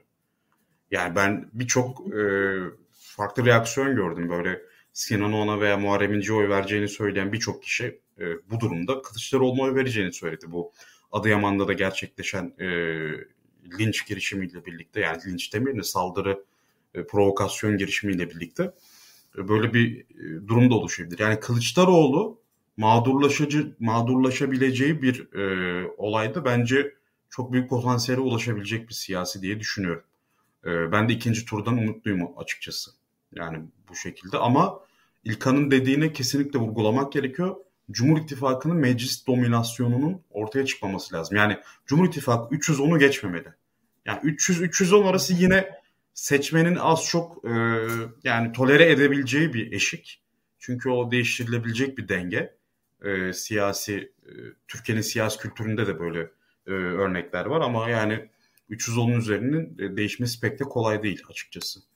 E, bu arada e, şey e, YSP ve tip meselelerine de gelebiliriz yani yavaşta ona dair verilerimiz tamam, de var. diyecektim. Ee, evet. Benim yorumum var gençlik meselesiyle ilgili tamam. biraz daha e, uğraştırayım.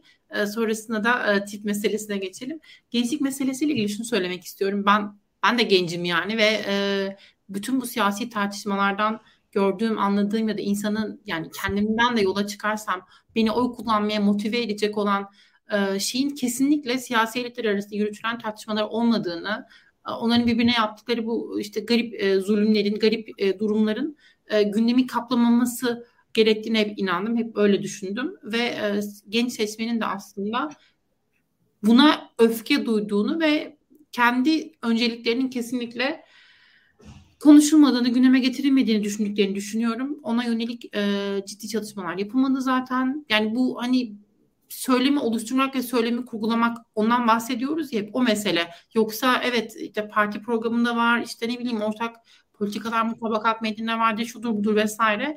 Ama şu açık İlkan'ın hep söylediği şey aslında bu taşralara üniversite açılmasıyla e, çok fazla insan e, çok daha liberal bir yerden bakmaya başladı hayata. Evden uzaklaştı, farklı şehre gitti belki. İşte yani üniversiteleri her ne kadar eleştirsek de işte bunlar bir şekilde gençlerin bir araya gelme noktası oldu. Bunların çok önemli katkıları var ve bu açık kafalar bambaşka hayaller kuruyor, bambaşka şeyler istiyor. Ama o e, kurulan hayaller çok ciddiye alınmıyor, önemsenmiyor muhalefet tarafından da ne yazık ki.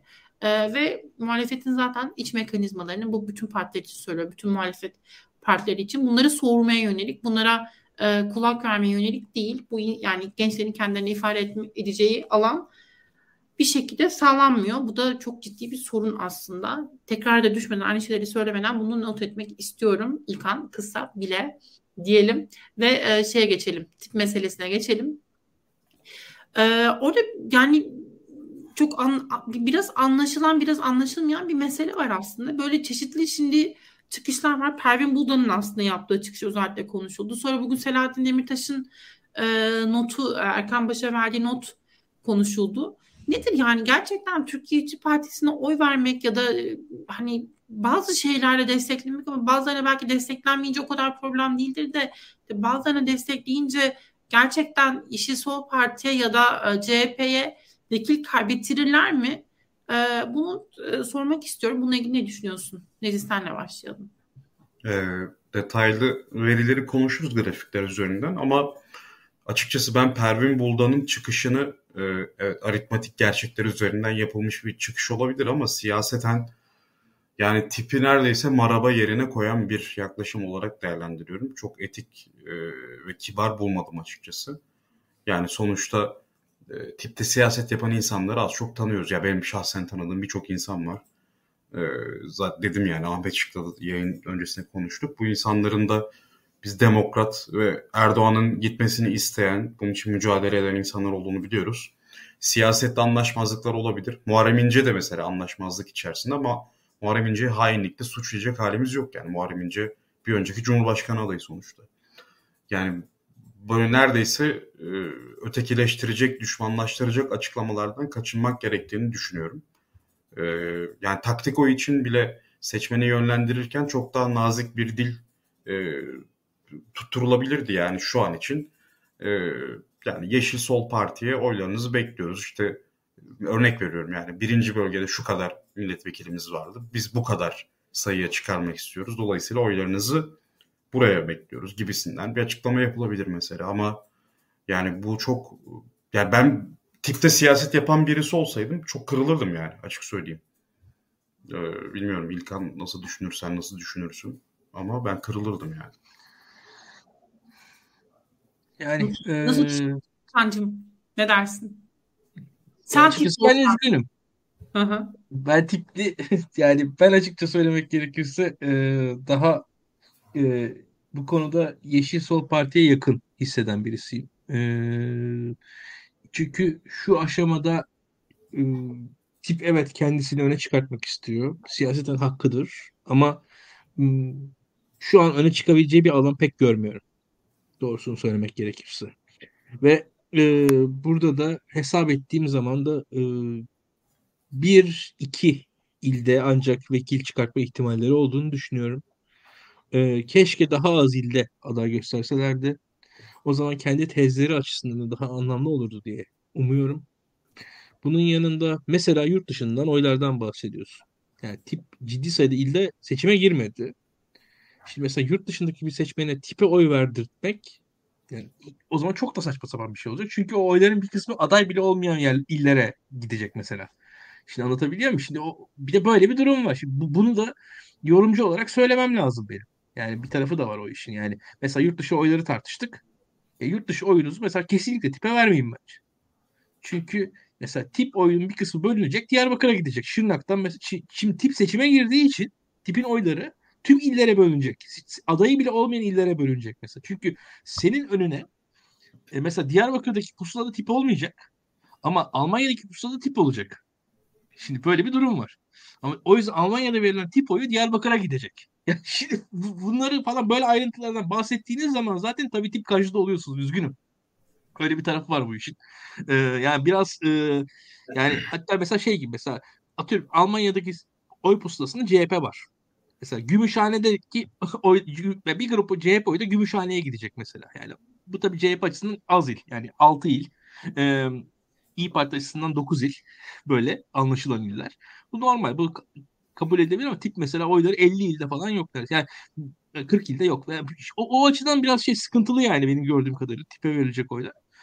Ama belli illerde tabii insanlar siyasetten seviyorlarsa o adayları destekleyecekler. Yani çok bir buna da karşıda çıkamıyorum. Demokrasi var. Sandık böyle bir şey.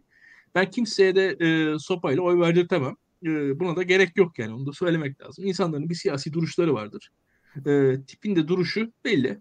E, umarız keşke böyle olmasaydı. Yani açık konuşalım. Biz e, ya bu arkadaşlar çok iddialı arkadaşlar. O biraz o tarafı da varmış. Siyaseten çok ilkeli arkadaşlar. Hepsi de. Ama e, bakın şöyle gözüküyor bir yandan da. Herkes çok kızdı işte adaylara, Deva Partisi, Gelecek Partisi, CHP'nin yaptığı şeyleri de. O partilerin yaptığı fedakarlığın da büyüklüğünü görmek lazım burada. Anlatabiliyor muyum? O iş yani şu anda yapılan şeyin değerini de biraz böyle anlarız diye düşünüyorum. Ee, ve bu, bu kadar o diğer partiler de bunları yaparak iktidara gelmek istiyorlar. Mesele iktidar şu anki Türkiye şartlarında. Benim için şu an tek bir mesele var. Ee, iktidar. O yüzden e, bir yandan da Cumhurbaşkanı seçiminde Kemal Kılıçdaroğlu'nu destekleyen tip gibi e, Yeşil Sol Parti gibi e, Millet İttifakı'nın diğer üye, gibi partiler arasında çok bir sert e, çatışmanın da alemi yok. Pervin Hanım'ın konuşması evet hoş olmamış doğru. E, katılırım ona. Yani tipteki insanlar e, öyle e, hepsi saygın insanlar açıkçası. Ve e, tip umarım kendisinin oylarını ifade edebileceği, kendi ağırlığını gösterebileceği bir noktada e, kendini bulur. Bu konuda bir iki deneme olmuştu hatırlarsanız. Alper Taş Beyoğlu Belediye Başkan adayı olmuştu. Ve orada bence Türk solu yeterince organize olamamıştı sosyalist sol. E, buna benzer denemeler Türkiye'de belli metropol ilçelerde çok rahat yapılabilir bence. Mesela komünist başkanı konuştuk hatırlarsan Maya Tunceli'de Dersim'de. Ona benzer aslında metropol ilçelerde de bu sosyalist komünist gelenek kendisini gösterebilir. Türkiye'de siyasette yeni bir mesela işte atıyorum Beyoğlu'nu mesela sosyalist bir e, aday kazansa yani Kreuzberg'de kardeş belediye olur. Çok daha farklı bir e, ilgi, alaka, bir sinerji yaratılır şu anda düşünürsen. Yani, e, yani gider Londra'da Notting Hill falan o, o, taraflarda dolaşır. ya, ya o, o şeyi yaşatır mesela. O duyguyu yaşatır. O bohem duyguyu yaşatır. Ama buna benzer siyasal fırsatlar Türkiye'de pek kullanılmıyor bu işlerin genel siyasetten önce yerel siyasetten yükselmesinin daha sağlıklı olacağı kanaatindeyim. Buna CHP bence özellikle alan açmalı. Özellikle tip gibi partilerin yerel siyasette e, büyük şehirlerde bir, noktadan buluşmasına alan açmalı. Onlar da zaten aktif, dinamik, heyecanlı gençlere sahip partiler. CHP yerel seçimlerde yardımcı da oldular. Bence İstanbul seçimlerinde Türk Sosyalist Solu'nun e, ciddi katkısı vardır bu arada. Onu da eklemek lazım yani bu arada. Yani İstanbul'da sandıklara sahip çıkılmasında bu partiler e, katkıda bulundular o zamanlardan. E, biraz böyle görüyorum. Barış içinde olsun bu işler ama e, iş oy meselesine gelince de yani doğruya doğru ben en büyük parti oy verilmesi en mantıklısı. Yani şu anki sistemde böyle. Yani Kemal Bey nasıl tercih ediliyorsa partiler sisteminde de eğer bu iş kafa kafayaysa en büyük parti en doğrusu diye düşünüyorum. E bu arada yani Muharrem Bey'in dediğine benzer şeyleri ben de duydum. E, tipin adaylarının da e, açıkçası birazcık daha itinalı olsaydı biraz adaylar daha iyi olabilirdi. Birçok aday çok iyi açıkçası. E, ünlülerin aday olmasına çok gerek yoktu. Tip bence çok daha itibarlı bir parti şu anda. Tip bence şu an ünlülere ihtiyacı o kadar olmayan bir parti. O açıdan yanlış yaptılar. Aksine ünlülere itibar katan bir parti. Tipe, tipten aday olmak başlı başına zaten bir onurdur, gururdur. Yani herhangi birisi ben tip adayıyım diye çıktığı zaman ciddi bir insandır diye biz bakarız. Öyle evet. söyleyeyim. Yani o, o adaylık bir mertebedir. Yani birisi birisi ben tip adayıyım diyorsa, adayı olmuşsa önemli bir insandır. Mesela daktilo konuk alır onu. Yani tip adayı olduğundan dolayı. Yani e, saygın bir insan olarak gözükür. Önemli bir insan olarak gözükür. E, tipin öyle bir şeylere ihtiyacı da bence yoktur onu da söyleyeyim. Onu da eklemek lazım. E, bu çerçevede görüyorum. Hı hı. Ya hatta şunu ekleyeyim hemen buna binaen. Ya örnek veriyorum mesela Mısra Öz e, ya da Meryem Göktepe. Keşke CHP aday yapsaydı diyorum ben. Yani çok rahat söyleyebilirim Evet. bunu. Kesinlikle Keşke öyle. CHP aday Ya yapsaydı ama rahat rahat oy Yani- verseydi düşünüyorum yani. çok net söyleyeyim. Tipteki adayların bazılarının ben tipte olmasını çok net bir şekilde Kemal Kılıçdaroğlu'nun başarısızlığı olarak görüyorum. Yüzde yüz haklıdır burada Onur. Yani öyle isimler var ki orada. Ya bu isimler nasıl kaptırılmış tipe? Yani rezalet bir şey. Ee, CHP açısından orada kesinlikle kendi saflarına katılması gereken isimler. Hatta yani bence gelecek seçimler için düşünülmesi gereken isimler bu isimler. Bu isimler e, önemli isimler. Yani bahsettiği isimlerin e, yani yaptıkları, verdikleri mücadele çok açık. Yani şu an, şu an Türkiye'de e, yani Mısra Öz'ün yaptığını kaç CHP milletvekili yapmış ya? Tabii Yani canım. ya hani kaç CHP milletvekili yapmış? Hanginiz hani şey olacak ama kim nereye çalışmıştı Mısra Öz'ün önünde e, vekil olmayı hak ediyor? Hangimizin öyle bir hakkı var? Benim yok. Bence kaç kişinin var? Yani hakikaten insan düşününce biraz vicdana sızlıyor. Evet. Tip, Yani tip- üzücü bir konu. Ya bir de çevremizde ya şimdi tip mesela yani çok yakın arkadaşlarımız CHP ya da tipten aday ya da Evet. tanıdığımız insanlar. O yüzden Doğru. çok da netameli bir konu bizim için yani. Evet yani hakikaten öyle. Ya gerçekten öyle. Ee, söylediğimiz gibi bizim seviyoruz birçoğunu. Seviyoruz birçoğunu. Ee, işte Can Atalay diyorsunuz. Öyle. Ya hakikaten öyle. Şimdi mesela Can Atalay niye orada yani? Can Atalay yani Can Atalay ben mesela Can Atalay'a Niye, oy niye vermeyeyim Manisa diyebilir miyim? bir değil ya CHP'den? Mesela gerçi Aynen. Özgür Özel var. Hadi iki olsun. yani bilmiyorum. O dinamikleri de bilmeden böyle pataküte konuşuyoruz da. Yani işte. Kesinlikle. Kesinlikle öyle. Şu isimler ya bu isimlerin hakikaten ya belki de şöyle söyleyeyim ya işin e, ya keşke belki de şöyle bir şey olsaymış. Yani tipin hmm, ya tip belki de sadece HDP ile değil bir yandan da CHP ile bir pazarlığı yapabilseymiş. Bir kısım e, ya mesela çünkü CHP mesela 5 tane e, şey İyi Parti e, vekiline de yer verdi listelerinde Evet. açıkçası. Ee, yani e, ona benzer bir şekilde belki tiple de öyle bir e, anlayış belli illerde destek karşılığında verilebilirdi. HDP'yi de e, tip HDP'den de HDP kaç tane veriyorsa artık ona e, o kadar çıkartırdı ve e, yani kendi adlarını mesela dörtten diyelim ki işte ona çıkmak istiyor. O sağlanırdı diye sağlanmalıydı diye düşünüyorum. Yani en azından hani şimdiki kadar kalmamalıydı vekil sayıları.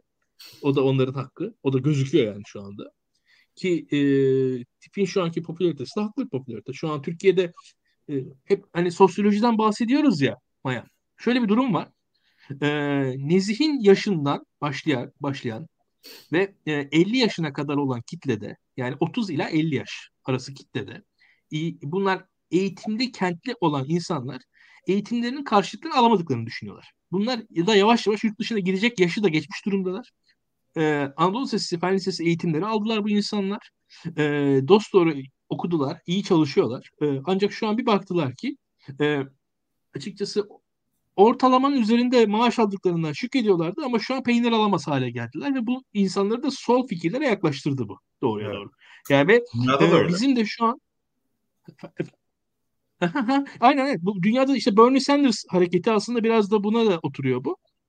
E, şu anda Türkiye'de öyle bir e, beyaz yakalı biz de mesela hani sosyal medyada liberal kesim biraz dalga geçiyor beyaz yaka tipler bunlar işçi mi falan diye ama bu, bu arkasında sosyal bir gerçeklik var yani onu da görmek Doğru. lazım ortada. Yani orada Prekarya hikayesi kitle- doğru hocam. Aynen öyle doğru yani orada öyle bir durum var ortada ve e, burada da o insanlar tip tip oradaki karşılığın e, sonucunda ortada. Yani tip doğal bir şey aslında. Yani şu an e, bir noktada e, CHP medyasında da biraz fazla görünükleri olmasıyla beraber burada bir karşılık buldular. Yani şu açık net gözüküyor yani Erkan Baş'a falan ilgi yani arada biz mesela işi daha karikatürize ediyoruz ne kadar işte tipli falan diye ama yani değil aslında orada gerçek bir şey var. E, çünkü iyi eğitimli kitle hakki top e, ona vaat edileni bulamadı şu an eğitiminin karşılığında ve e, özellikle yurt dışına da gitme yaşını geçmiş olanlar e, ciddi şekilde çıkışsızlık seziyorlar ve buradan ancak sosyal politikalarla yükselme umutları kalmış durumda. Ya ve bunların çünkü e, önemli kısmının da e, miras gibi, aileden bir gelir gibi bir imkanları da şu an pek yok gözükmüyor. Ev alma imkanları ötelenmiş durumda. Artık kiraya çıkmaları, e, yani ciddi ciddi barınma krizi diye bir şey var ortada. Ya şu anda insanlar akın akın e, yani Kadıköy'den e, işte E5'in yukarısına taşınıyorlar. Yani şu anda gördüğümüz şey bu. Ve e, hayatlarında yaşadıklarında ve hayat standartları geriye düşüyor. Yani şöyle bir şey var. Diyelim ki 5 yıl önce e, bir tatile gidebiliyorken Kadıköy'de bir ev tutabiliyorken şu an mesela E5'in üzerinde ev tutabilir haldeler. E, tatile gidemez haldeler. Atıyorum mesela 5 yıl önce 10 yıl önce Türkiye'de orta sınıf mesela BİM'i protesto ederdi. Ben o, ben onu hatırlıyorum. Yani BİM'e gitmeyen, İslamcı falan diye BİM'den alışveriş yapmayan insanlar vardı. Şimdi mahalleme açılsın diye dua ediyor. Evet. Yani netice biraz budur. E, tip de burada gayet e, somut bir e, sosyal, ekonomik, sosyoekonomik gerilemenin üzerine oturmuş bir parti. Yani tipin bir sosyal gerçekliği var. Biz de bu arada şey yapmayalım yani hani tip sadece öyle ünlülerin arasındaki eğlence falandan ibaret değil. Tipin arkasında böyle bir gerçek mesele var ortada. O meselenin adının konması lazım diye düşünüyorum. Bunu da ekleyeyim. Ben birkaç olumsuz yorum yapmak istiyorum tiple ilgili. Yani böyle bekliyorum artık sıra bana gelse de ben de konuşsam, sıra bana gelse de ben de konuşsam diye sıra bana geldi nihayet. Yayını beğenmeyi e, unutmasın değerli izleyicilerimiz. Onu hatırlatalım hemen ve paylaşmayı eğer yayını beğeniyorlarsa ya da verimli buluyorlarsa, faydalı buluyorlarsa. E, tiple ilgili ben de gerçekten e, olumlu düşüncelere belli açılardan sahibim. Özellikle barınma krizin e, noktasında e, vergi politikaları anlamında söylediklerini olumlu buluyorum. Yani orada e, hani mülkiyet hakkını tartışmak değil orada daha sosyal demokrat bir yerden acaba nasıl e, fazla birden fazla konutu olan e, insanların vergilendirilmesi yoluyla e, burada nasıl bir değişim yaratılabilirdi üzerine bir beyin fırtınası teklif ettiler. Bunu çok değerli buluyorum ki e, böyle bir e, perspektifin e, Türkiye siyasetinde çok değerli olabileceğini hep düşünüyorum. Bu CHP'nin çok yapamadığı bir şeydi e, geçtiğimiz dönemlerde bana sorarsanız. Üstelik e, eğer Türkiye gerçekten demokrasi olmayacaksa, Türkiye gerçekten böyle bir yönetim altında yaşamaya devam edecekse ki umarım öyle olmayacak. Umarım değişecek. Umarım muhalefet kazanacak. Umarım Kılıçdaroğlu kazanacak. Ee, eğer kazanamayacak olsaydı tipin varlığı çok değerli olurdu. Tipin varlığı liberal demokrasinin sibobu olurdu, sigortası olurdu. Bu denli önemli bir işlevi olurdu. Çünkü bu parti e, gerekirse meclisi çalıştırmayacak bir parti. Bu parti insan haklarının e, mesele edildiği noktada meclisi kitleyebilecek bir parti. İnsanları protesto etmeye çağırabilecek bir parti. Böyle bir gücü olduğuna inandım ama şu an geldiğimiz nokta işte acaba NATO terör örgütü mü e, falan böyle bir e, gündemi olan böyle parti içinde böyle nasıl ifade edeyim artık eski sol gelenekten gelenler ya da şu anki haliyle de belki bunları benimseyenlerin sayısı çok daha fazladır. Bu tip böyle e, aslında bizim şu an önceliğimiz de olmayan, anlamlı da olmayan, yani NATO'dan e, çıkılması falan ya da NATO'nun terör örgütü olarak nitelendirilmesi çok e, fiyasko e, bana sorarsanız. Yani hiç anlaşılır gibi değil. Ama bir açıdan hadi diyelim NATO'nun parçası olmanın çok olumlu olmadığına inanılsın ya da NATO'nun olumlu genel olarak bir e, Türkiye'ye faydası olmayan bir örgüt olduğu düşünülsün. Her halükarda herhalde böyle bir şeyi söylemleştirmek de siyasetin konusu. Nihayetinde bugün e, Hüdapar bile kendine yumuşatıyorsa bazı açılardan yani tırnak içinde siyaset yapmaya, görünür olmaya kalkıyorsa ya da yeniden refah ve her ya da AK Parti yani AK Parti Erdoğan bile senelerce kendi söylemlerini yumuşatıp daha farklı bir yerden seslenebiliyorsa herhalde tip de bunu yapabilirdi ama e, bu partilerde ya özellikle bu e, tırnak içinde sol partilerde bir şey var ya e, inanılmaz bir etik olma, e, inanılmaz bir doğru yerde e, durduk biz. Bunun e, şeyini yapma, ahlak e, satma tırnak içinde böyle bir e, şeyleri var. Kimi zaman inanılmaz olumlu. İşte bunu Hatay e, örneğinde konuştuk. Yani e, Barış Atay'ın e, orada şey yapmaması, vekil ol, vekil adayı olarak yarışmayacak olması. Ama hani buna böyle bakıyoruz ya da ne bileyim işte e, LGBT artı aday çıkarmaları meselesi. Baktığınızda müthiş olumlu, müthiş yani şapka çıkarırsınız bu denli olumlu ama bu parti aynı zamanda ve yani tabii ki Yeşil Sol Parti de bu noktada bunun içine kalkmak lazım. Siz yani siyasi partiler olarak yapmanız gereken şeyi o siyasi enerjiyi yaratıp ortaklaşmaya gidemiyorsunuz. Vekiller üzerinden bunu başaramıyorsunuz. Üstelik söylemleriniz sonra örtüşmüyor. Sürekli e, birbirinizle böyle çelişen farklı e, şeyleri dönem e, dönemeçlerden geçiyorsunuz. Biz bunları takip ediyoruz seçmen olarak. Yani benim Twitter'da yazacağım işte bir seçmen olarak ya da ne bileyim bir yorumcu olarak asper kadar yazacağım şeylere siyasi partilerin temsilcileri yapmaya kalkıyorlar. Oysa ki işte bir arkadaş yazdı geçen birbirinize telefon numaranız yok mu? Mesela. Ama tabii bu da siyasetin bir parçası elbette. Yani işte bizi, e, bu takipçileri, hayranları vesaire kitleyi ikna etmek, yönlendirmek ve bunlar aslında birbirine bir şekilde baskı oluşturmak ve bunu buradan da bir e, aslında kendilerine siyaset alanı yaratma meselesi. Ama ben böyle olmaması gerektiğini düşünenlerden denim e, açıkçası. O yüzden e, tip konusunda böyle bir e, şart düşmek istiyorum. Ama hani İlkan'ın o bahsettiği mesela yerel meclislerde olmaları meselesi.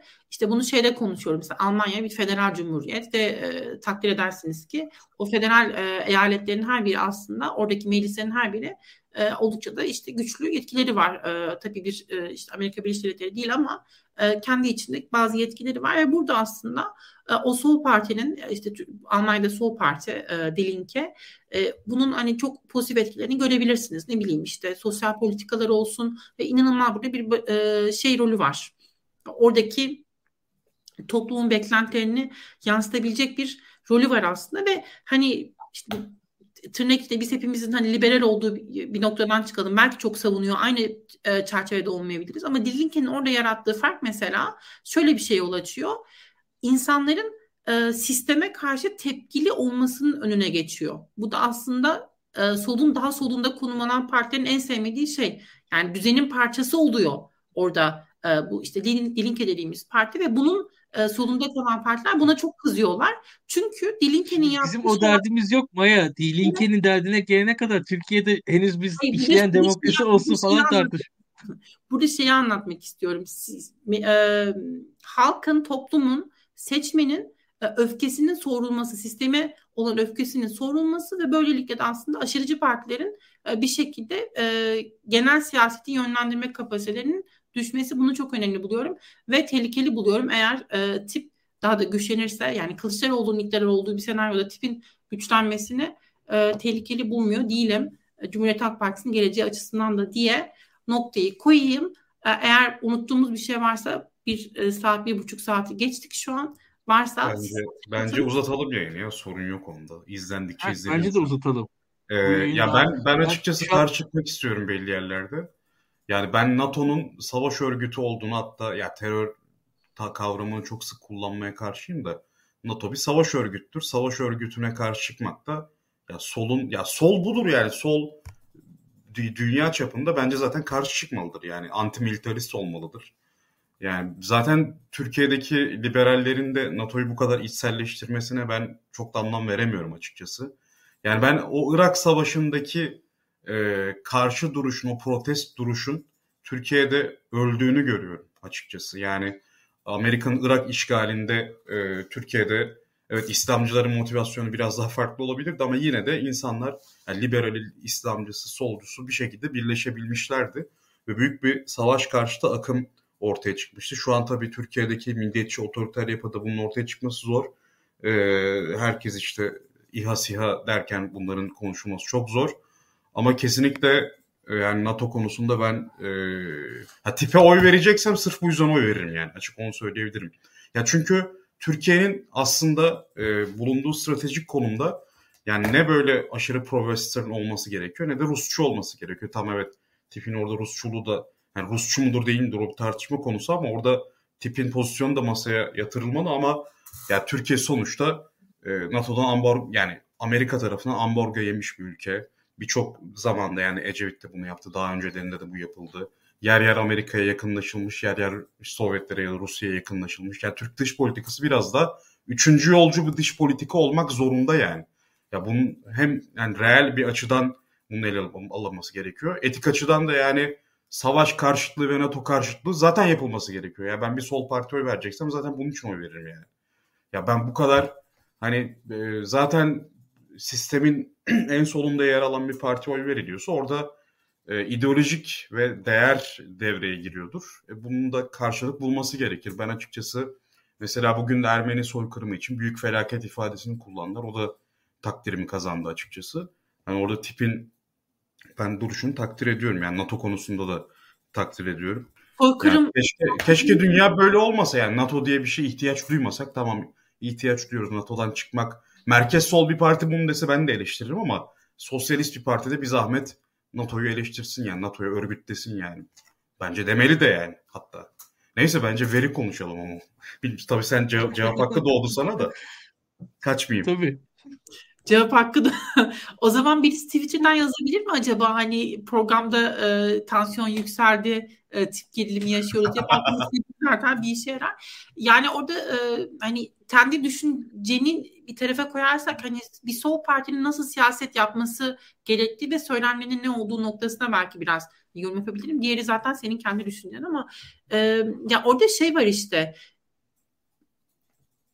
sözün dinlendiği an yani Türkiye İşçi Partisi'ne kulak verildiği an işte barınma kriziyle mesela insanların dikkatini çekiyorsun. E, Cumhuriyet Halk Partisi'ne daha önce oy vermiş insanların dikkatini çekiyorsun ve e, senin e, yani dikkatini işte çektiğin bir sürü insan sana kulak vermeye başlıyor. Seni sosyal medyadan takip ediyor. Sen bugün şey yazıyorsun. NATO terör örgütü yazıyorsun. E, insanların buna e, mail etme, buna inanma, bunu e, bu, bu anlamda yorumlama ihtimalini e, korkutucu buluyorum. Çünkü benim e, hayalimdeki Cumhuriyet Halk Partisi e, NATO'yu falan sorgulayan bir e, parti değil kesinlikle. Dış politikada e, böyle bir yer edinen bir parti değil mesela ve Türkiye İşçi Partisi'nin bunu e, zehirlemesi e, ihtimali beni korkutuyor ve Cumhuriyet Halk Partisi'nin aslında bu noktada dış politika anlamında daha e, sol popülist, e, daha e, baş, başka bir yer yani başka bir yer olmasını çok istemediğim daha sol bir yerden bakması sonucunda doğurabilir diye korkuyorum. Benim biraz daha düşündüğüm aslında o. Ya NATO'dan bahsederken hukuk devletinin, hukuk devleti gibi böyle çok temel bir kaide gibi bahsediyorsun. O ya bilmiyorum evrensel değerlere inanıyorsak işte evrensel barışı istiyorsak sonuçta yani günün sonunda savaş örgütü yani. Savaş örgütünü de bu kadar bayraklar seviyesi savunmaya gerek yok bence. Terör örgütü demek başka bir şey. Tamam, terör, terör örgütü de evet. Ben terör kavramının bu kadar e, yans e, yaygınlaştırılmasına karşıyım açıkçası da hani bilmiyorum NATO karşıtlığı da etik seviyede yapılır yapılsın yani savaş karşıtlığı da yapılsın ben yani şu ee, bağlamda liberal olarak da okuyor olması gerektiğini düşünüyorum yani. Rusya'nın Rusya'nın Ukrayna'yı e, yani saldırdığı bir düzlemde değil bence ya da ülkelerin bağımsızlıklarını korumalarının yolunun NATO üyeliğinden geçtiği bir zeminde değil bence. Benim de düşüncem o yönde. Yani NATO biraz filmi geriden sararsak da Rusya'nın tırmandırılmasında NATO'nun büyük katkısı var aslında. Neyse bu ayrı konusu. Ee, yani Orta Doğu'da zaten Amerika'nın yani yarattığı istikrarsızlıktan hiç bahsetmeye gerek yok. İstersen devam edebiliriz verilerde. Konuşabiliriz evet ama bir yorum var. Yurt dışında yaşayan vatandaşlarına oy verme hakkı başka ülkelerde var mı? Araştırır mısınız? Onunla ilgili e, valla hep konuşuyoruz da inanın hatırlamıyorum. Var var var. Vatan... Var var. Yani çok net mesela e, yani çok net hatırladığım bir şey var mesela. Silvio Berlusconi İtalya'da seçimi kazanıyordu. Yurt dışı oylarla kaybetti. Çünkü yurt dışındaki İtalyanlar Berlusconi utanıyorlardı. Yurt dışında çok ciddi şekilde Berlusconi e, geride kaldı. Sol Parti sosyalistlere o seçim kaybetmişti diye hatırlıyorum. Hatta Berlusconi yoğun bir şekilde karşı çıkmıştı. Böyle ancak Türkiye'deki kadar e, yoğun bir katılım ne kadar sağlanıyor onu bilmiyorum. Bu, bunu ayrıca bakmak lazım e, yoğun bir nüfusun yoğun bir katılımla bizim kadar oy kullandığı bir yer var mı? Emin değilim. İtalyanlar çünkü 1 milyon civarında falan oy vardır. Yurt dışında daha fazla İtalyan vardır.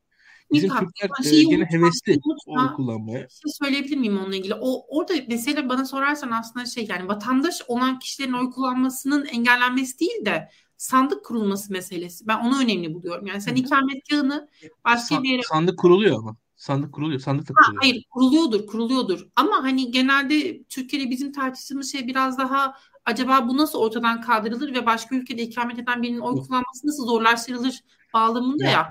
ya. Ya. Şöyle söyleyeyim yalnız o arkadaşlar e, kendi açılarından haklılar ama onun sonunda aynı mantık yürütmeyle mesela Suriyeliler de oy hakkı istemek durumunda kalırlar.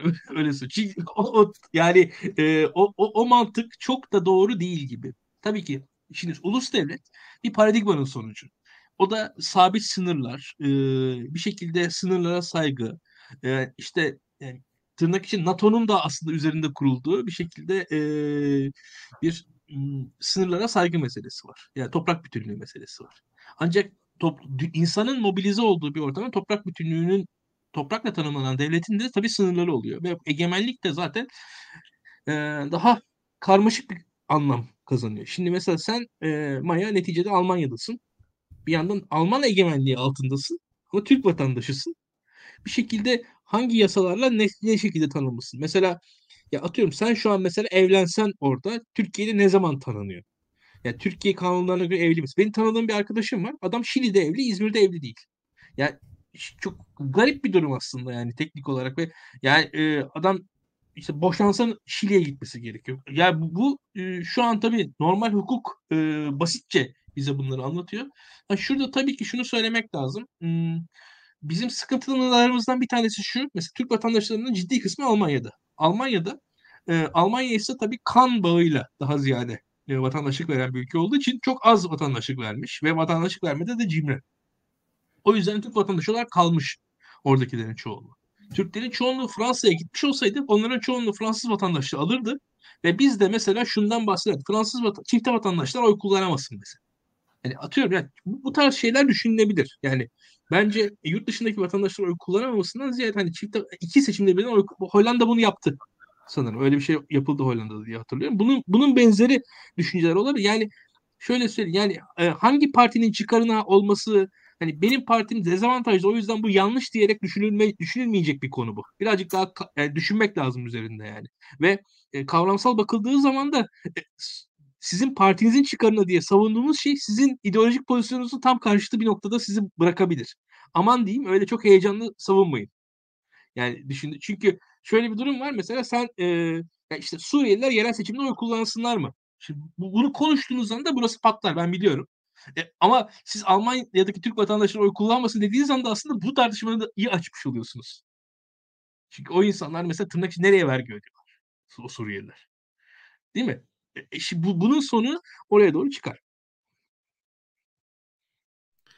Ben e, orada acaba şey olabilir mi diye düşünmüyor değilim. E, zorlaştırma meselesi. Yani yurt dışında e, oy kullanmanın zorlaştırılması aslında. Ne bileyim işte sandığı tek bir yere kurmak belki e, ne bileyim işte günlerce sandığın açık olmaması ya da ne bileyim e, mesela hem havalimanında oy kullanabiliyorsun Türkiye'deysen işte ne bileyim e, gümrük kapısında vesaire oy kullanabiliyorsun limanda oy kullanabiliyorsun kaç ülkeye e, sandık kuruldu bunlar acaba zorlaştırılabilir mi birazcık daha düşünmüyor değilim ama bu hani çok e, pre, prematüre bir şey kafamda tartışma beyin fırtınası ya ama orada bir e, müdahaleye ihtiyaç var. O müdahale nasıl yapılır bilmiyorum. Tırnak içinde ya, dijital demokrasiye geçileceğini tartışıldığı günlerde yani bilmiyorum zorlaştırma bana e, dünyadaki e, yani çok gerçekçi gelmiyor yani. Ben mesela ya partilerin kongreleri niye sadece bin küsür delegeyle yapılıyor? 10 bin kişiyle CHP, 20 bin kişiyle AKP niye kongre yapmıyor diye tartışmaya başladığımız günlerde. Yani bana e, katılımı azaltmaya çalışmak yani çok hani şöyle bir şey var dünyanın genel gidişinin dışında bu. Yani e, çok yapılabilir bir şey gibi gelmiyor. Yani biraz şey gibi senin anlattığın sistem mesela o, o işte delegeler yoluyla seçmen e, oy verilen hani iki kademeli seçim falan hatırlatan bir e, yaklaşım seninkisi neredeyse. Onun çok ol, ol, ol, olabilirliğini görmüyorum. Dünyanın dünyanın gidişi açıkçası referandum, plebisitlere doğru dünyada gidiyor. İyi bir şey bu değil belki de ama yani çok trend bu değil yani. Ee, Ahmet Bey demiş ki Nord Stream 1 e, Amerika tarafından havaya uçurulduğu için evlerini ısıtamadı Almanlar bu kış. Ee, kendi adıma yalanlayabilirim. Doğru değil bu bilgi. Ee, Almancı ötekileştirici bir sözcük mü ne gözlemliyorsun diye sormuşlar. Almancayı sevmiyorlar e, insanlar. E, gurbetçiyle ilgili bir kafa karışıklığı var. Kimileri sorunu bulmuyor, kimisi buluyor. Ben seviyorum gurbetçi kelimesini. Bana kullanabilirsiniz isterseniz. Öyle. Ne yapacağız? Rekora doğru ilerleyecek miyiz? Devam devam. Daha veriler var ya. Deyiz. Var mı sorular? Ee, soruları alalım. Bir tane soru vardı aslında. Onu birden fazla kez tekrar etti beyefendi. Onu tekrar bulabilirsem soracağım ama soruyu hatırlıyorum sanırım ya aşağı yukarı.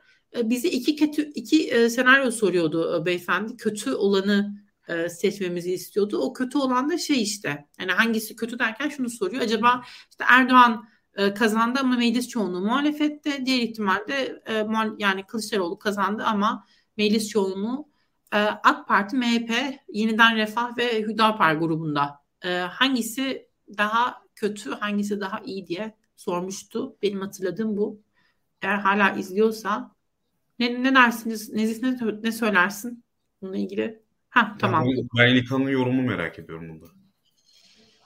Hmm.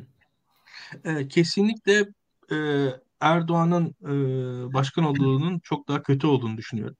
E, Kılıçdaroğlu'nun e, başkanlığı kazanması kesinlikle tercihimdir. Türkiye şartlarında Kılıçdaroğlu'nun başkanlığının kendisinin anlamlı olduğunu düşünüyorum. Hele hele Tayyip Erdoğan'ın Kılıçdaroğlu'nu Türkiye'yi Suriye'leştirme gibi bir iftirayla e, açıkçası e, tanımlamaya kalktı. Türkiye'deki siyaseti bu kadar çirkinleştirdiği bir ortamda Tayyip Erdoğan'ın seçimle Kılıçdaroğlu'na yenilmesinin Türkiye'yi dünya e, skalasında çok yükselteceğine inanıyorum. Seçim sonuçları ne olursa olsun Meclis e, Adalet ve Kalkınma Partisi tarafında kalabilir. E, Kılıçdaroğlu'nun iktidarı tek başına anlamlıdır. Hatta belki daha bile iyi olabilir. Yani e, şöyle söyleyeyim. Eldeki imkanlarla sadece yönetmeye kalkar Kılıçdaroğlu kendi iktidarına. Sadece yani yürütmeye odaklanır. Yasamaya o kadar odaklanılmaz. Belki daha bile iyi olabilir. Hiç belli olmaz o. Ve e, eldeki imkanlarla kurulması gereken sistem kurulabildiği kadar kurulur. E, Adalet ve Kalkınma Partisi hele hele Kılıçdaroğlu'nu ülkenin ekonomisini düzeltmeye çalıştığı sıralarda bir erken seçime zorlarsa da millet cezasını verir. O açıdan da olası senaryoları düşünüyorum. Mesela erken seçime zorlanan bir Kılıçdaroğlu hükümetinden bir düşünüyorum. Öyle bir durumda mesela Milliyetçi Hareket Partisi ittifaktan ayrılabileceğini falan da düşünüyorum. Yani e, tek tek baktığımız zaman Cumhurbaşkanı Kılıçdaroğlu senaryosu her zaman e, tercih edeceğim en sağlıklı senaryo olacaktır. E, mecliste senaryolarda şunu düşünmek lazım. Özellikle ben Milliyetçi Hareket Partisi'nin geçen yayında da söyledim. Çok iyi aday listeleri oluşturduğunu düşünüyorum kendi standartlarında. E, ve e, MHP'nin e, seçime sadece parti olarak girmediğini, iddialı girdiğini düşünüyorum. E, Devlet Bahçeli çok sayıda miting yapacak. MHP'nin performansını merak ediyorum. Ve MHP'nin şu anki performansındaki artışın şöyle söyleyeyim hatta. Geçen seçimler öncesinde Milliyetçi Hareket Partisi neredeyse hiç miting yapmadı. Ve bunun sonucunda da mecliste performans sergiledi. Şu ansa geçen seçimler 2018 seçimleri öncesindeki MHP'nin tam zıttı bir MHP ile karşı karşıyayız. Devlet Bahçeli miting yapmamıştı. İzmir'de mesela e, ya fuardaki e, salonlardan birinde toplandı MHP'liler. Bakın MHP İzmir mitingi yapmadı. Yani İzmir fuarındaki salonlardan birinde MHP'ler top, salon toplantısı yaptı İzmir'de. Yani büyük bir salon toplantısıydı.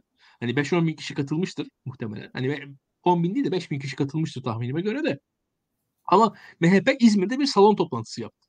Bakın bu fantastik bir şey yani. Hani MHP'nin İzmir'de salon toplantısı yapmış olması seçim öncesinde. Şu an ciddi mitingler yapacak Devlet Bahçeli. Nasıl yapacağı biraz tartıştığımı söylemiştim. Ama bunun MHP'nin meclisteki e, performansının da bir yansıması olacağını düşünüyorum. Mecliste ben farklı bir performans MHP'den bekliyorum. Şey, MHP bizi yine şaşırtacak bence. Onu söyleyeyim. E, ve iyi ya da kötü yönde olduğundan tam emin değilim ama MHP'nin bizi şaşırtacağını, beklenmedik şeyler yapacağını öngörüyorum. MHP'nin aday listelerinin iyi olmasını önemli e, dikkat çekiyorum tekrardan. Beklemediğimiz bir performans MHP'den gelebilir yine. Yine anketler şaşırt, anketleri şaşırtabilir. Ve bu Adalet Kalkınma Partisi aleyhine de, İyi Parti aleyhine de şaşırtabilir. Onu da söyleyeyim. Milliyetçi Hareket Partisi. E, ve e, beklenmedik bir e, hani serbest radikal işlevi görebilir MHP. E, bu seçim sonuçları sonrasında. E, bu da benim senaryom olsun. Ve bunun haricinde de evet Kılıçdaroğlu'nun Cumhurbaşkanlığının da e, şu anki sistemde Tayyip Erdoğan şöyle bir e, yapı kurdu. Cumhurbaşkanı değiştiği anda otomatik olarak e, yani binlerce kişinin görevi son buluyor zaten. Yani Kılıçdaroğlu e, şu an Cumhurbaşkanı olduğunuz anda sizin zaten atamanız gereken insanlar var. Sizin e, isminizle anında atanacak insanlar var. Rektörler, valiler vesaire çok sayıda e, e, devlet memuru görevlisi atanacak. Bu da Türkiye'yi çok etkileyecektir diye düşünüyorum. Zaten hani ikinci tur diyoruz ya tartışıyorduk ya bir yandan şunu da ekleyeyim. Ee, ikinci tura seçimin kalması zaten Tayyip Erdoğan'ın tırnak içindeki karizmasının bitişi anlamına gelecek. Yani biz o tarafını konuşmadık. Yani Tayyip Erdoğan seçimi teknik olarak kazanamamış olacak ilk turdan seçilemediği anda aslında. Yani muhalefet açısından biz okuyoruz ya. Bir de e, Tayyip Erdoğan'a oy veren kitlede de şöyle bir e, durum da var. Kazanan insana oy veriyor bu insanlar. İlk defa kazanan insana oy vermemiş olacaklar ve bir, bir hayal kırıklıkları olacak. E, Tayyip Erdoğan hikayesinin bitmesi bence e, şu an bu seçimin en anlamlı, en anlamlı sonucu olur. Meclis ve sonrasının kurulması daha sonra yapacağımız iş. Zaten bu yüzden de diyoruz ki bu seçim bir son değil bir başlangıçtır. Ee, yeni bir şeye başlamak için Tayyip Erdoğan hikayesinin bitmesi gerekir. Mesela Tayyip Erdoğan şu anda. Ve e, şöyle söyleyeyim. Mesela Tayyip Erdoğan olmasa Türk siyasetinde kolay kolay böyle e, Suriyelileşmek falan gibi bir e, ahlaka sığmayan iddia siyasetin ortasına atılamaz. Türkiye'de öyle kolay kolay. Türk insanının bir e, tecrübesi var yani. Türk insanının kaldıracağı şeyler değil. Mesela ben ortalama bir Adalet ve Kalkınma Partisi'nin bile böyle bir sözü kabulleneceğini düşünmüyorum ama bunu Tayyip Erdoğan yapıyor. Mesela şu anda ilk önemli mesela Tayyip Erdoğan'ın siyasetten e, yenilerek en azından Cumhurbaşkanlığından inmesidir. E, meselemiz budur şu anda diye düşünüyorum. Yine güzel bir soru var. Ona hemen bakacağım. Hı. E, Muharrem İnce ve Sinan Sinan Oğan'ın e, çekilme ihtimalleri kaldı mı diye e, Mirza Akdeniz soruyor. Var mı yorum yapmak isteyen? Ahmet Bey 19 derece sabitlensin ne olacak ya? O kadar da açmayalım. Yaşadık yani hiç üşümeden yaşadık kışı Almanya'da. yani bir şey olmadı ölmedik gitmedik.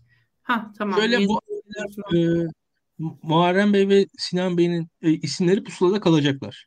Evet. Ama e, pusulada kalmalarına rağmen tabii ki e, bence de bu isimlerin e, Kemal Bey'le kucaklaşması çok şey etkiler. Sinan Oğan şu an daha dikkatli götürüyor süreci düşündüğümden de. E, Muharrem Bey'in de ben o noktada ikinci turda öyle ya da böyle e, seçimde kaybettikten sonra kendi e, yani Muharrem Bey'in de bir çevresi var neticede. Yani arkadaşları var, eşi var, dostu var. Yani akşam e, hani ayda bir buluştuğu dostları var, yemek yediği arkadaşları var, e, ilkokul arkadaşları var, eşinin akrabaları var, kendi akrabaları var. Muharrem Bey'in de e, ikinci turun da sorumluluğu almayacağını düşünüyorum burada. İkinci turda da muhalefeti destekler herhalde diye Muharrem Bey diye düşünüyorum orada.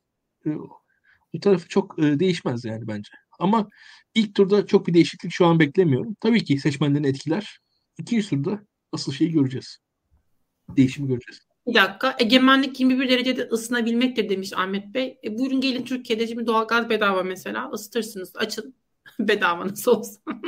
Kullanırsınız. 21 dereceye açarsınız. 40 dereceye getirirsiniz. Önemli değil.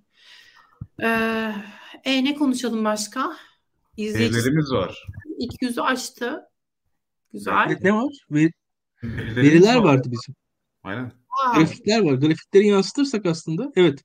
Aynen. Bu, bu önemli. Bu zaten aslında bizim e, Memleket Partisi meselesinde şu an Memleket Partisi'nin e, yapması ihtimali olan böyle bir durum var. Yani Muharrem İnce'nin adaylığından daha önemli Memleket Partisi'nin varlığı şu anda. Yani Muharrem İnce artık ne diyelim e, Memleket Partisi seçmenleri aslında şu anda muhalefete yönelmesi. Çünkü muhtemelen Memleket Partisi seçmeni olan insanlar Muharrem İnce seçmeni olan hani şöyle söyleyeyim size.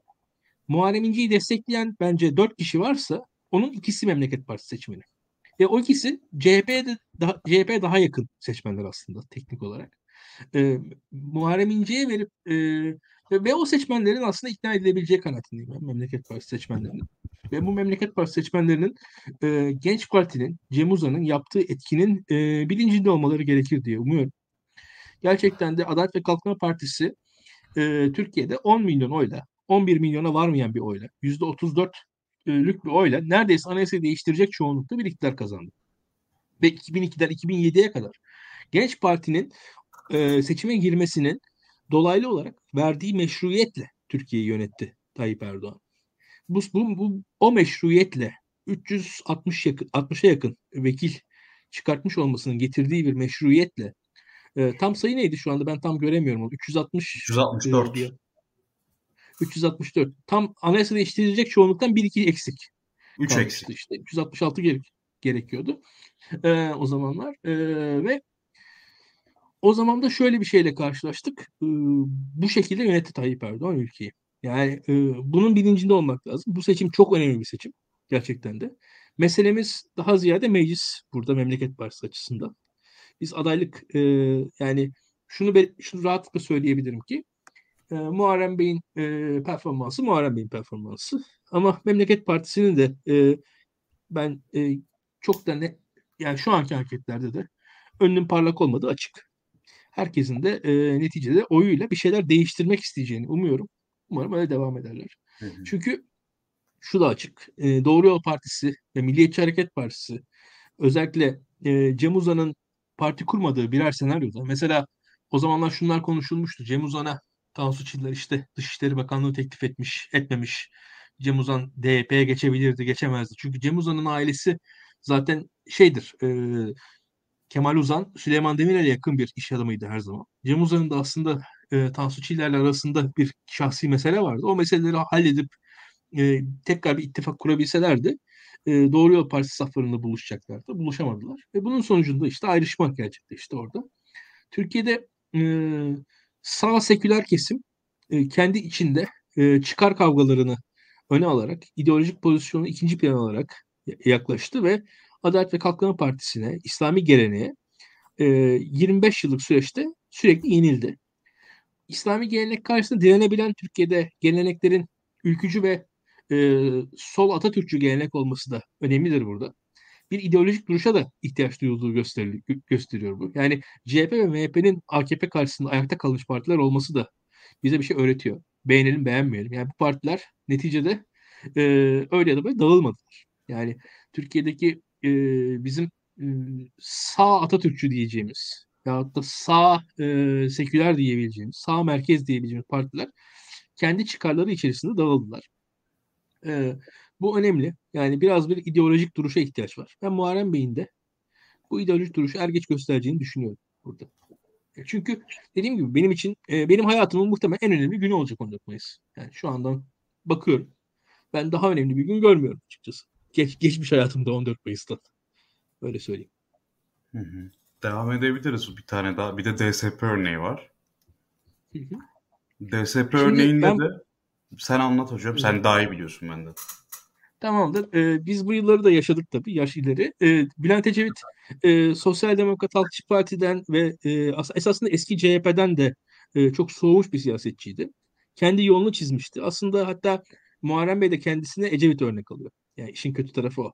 Ve e, Ecevit'in CHP'den 79'da bir kopuşu var aslında. Zihnen kopuyor Ecevit CHP'den.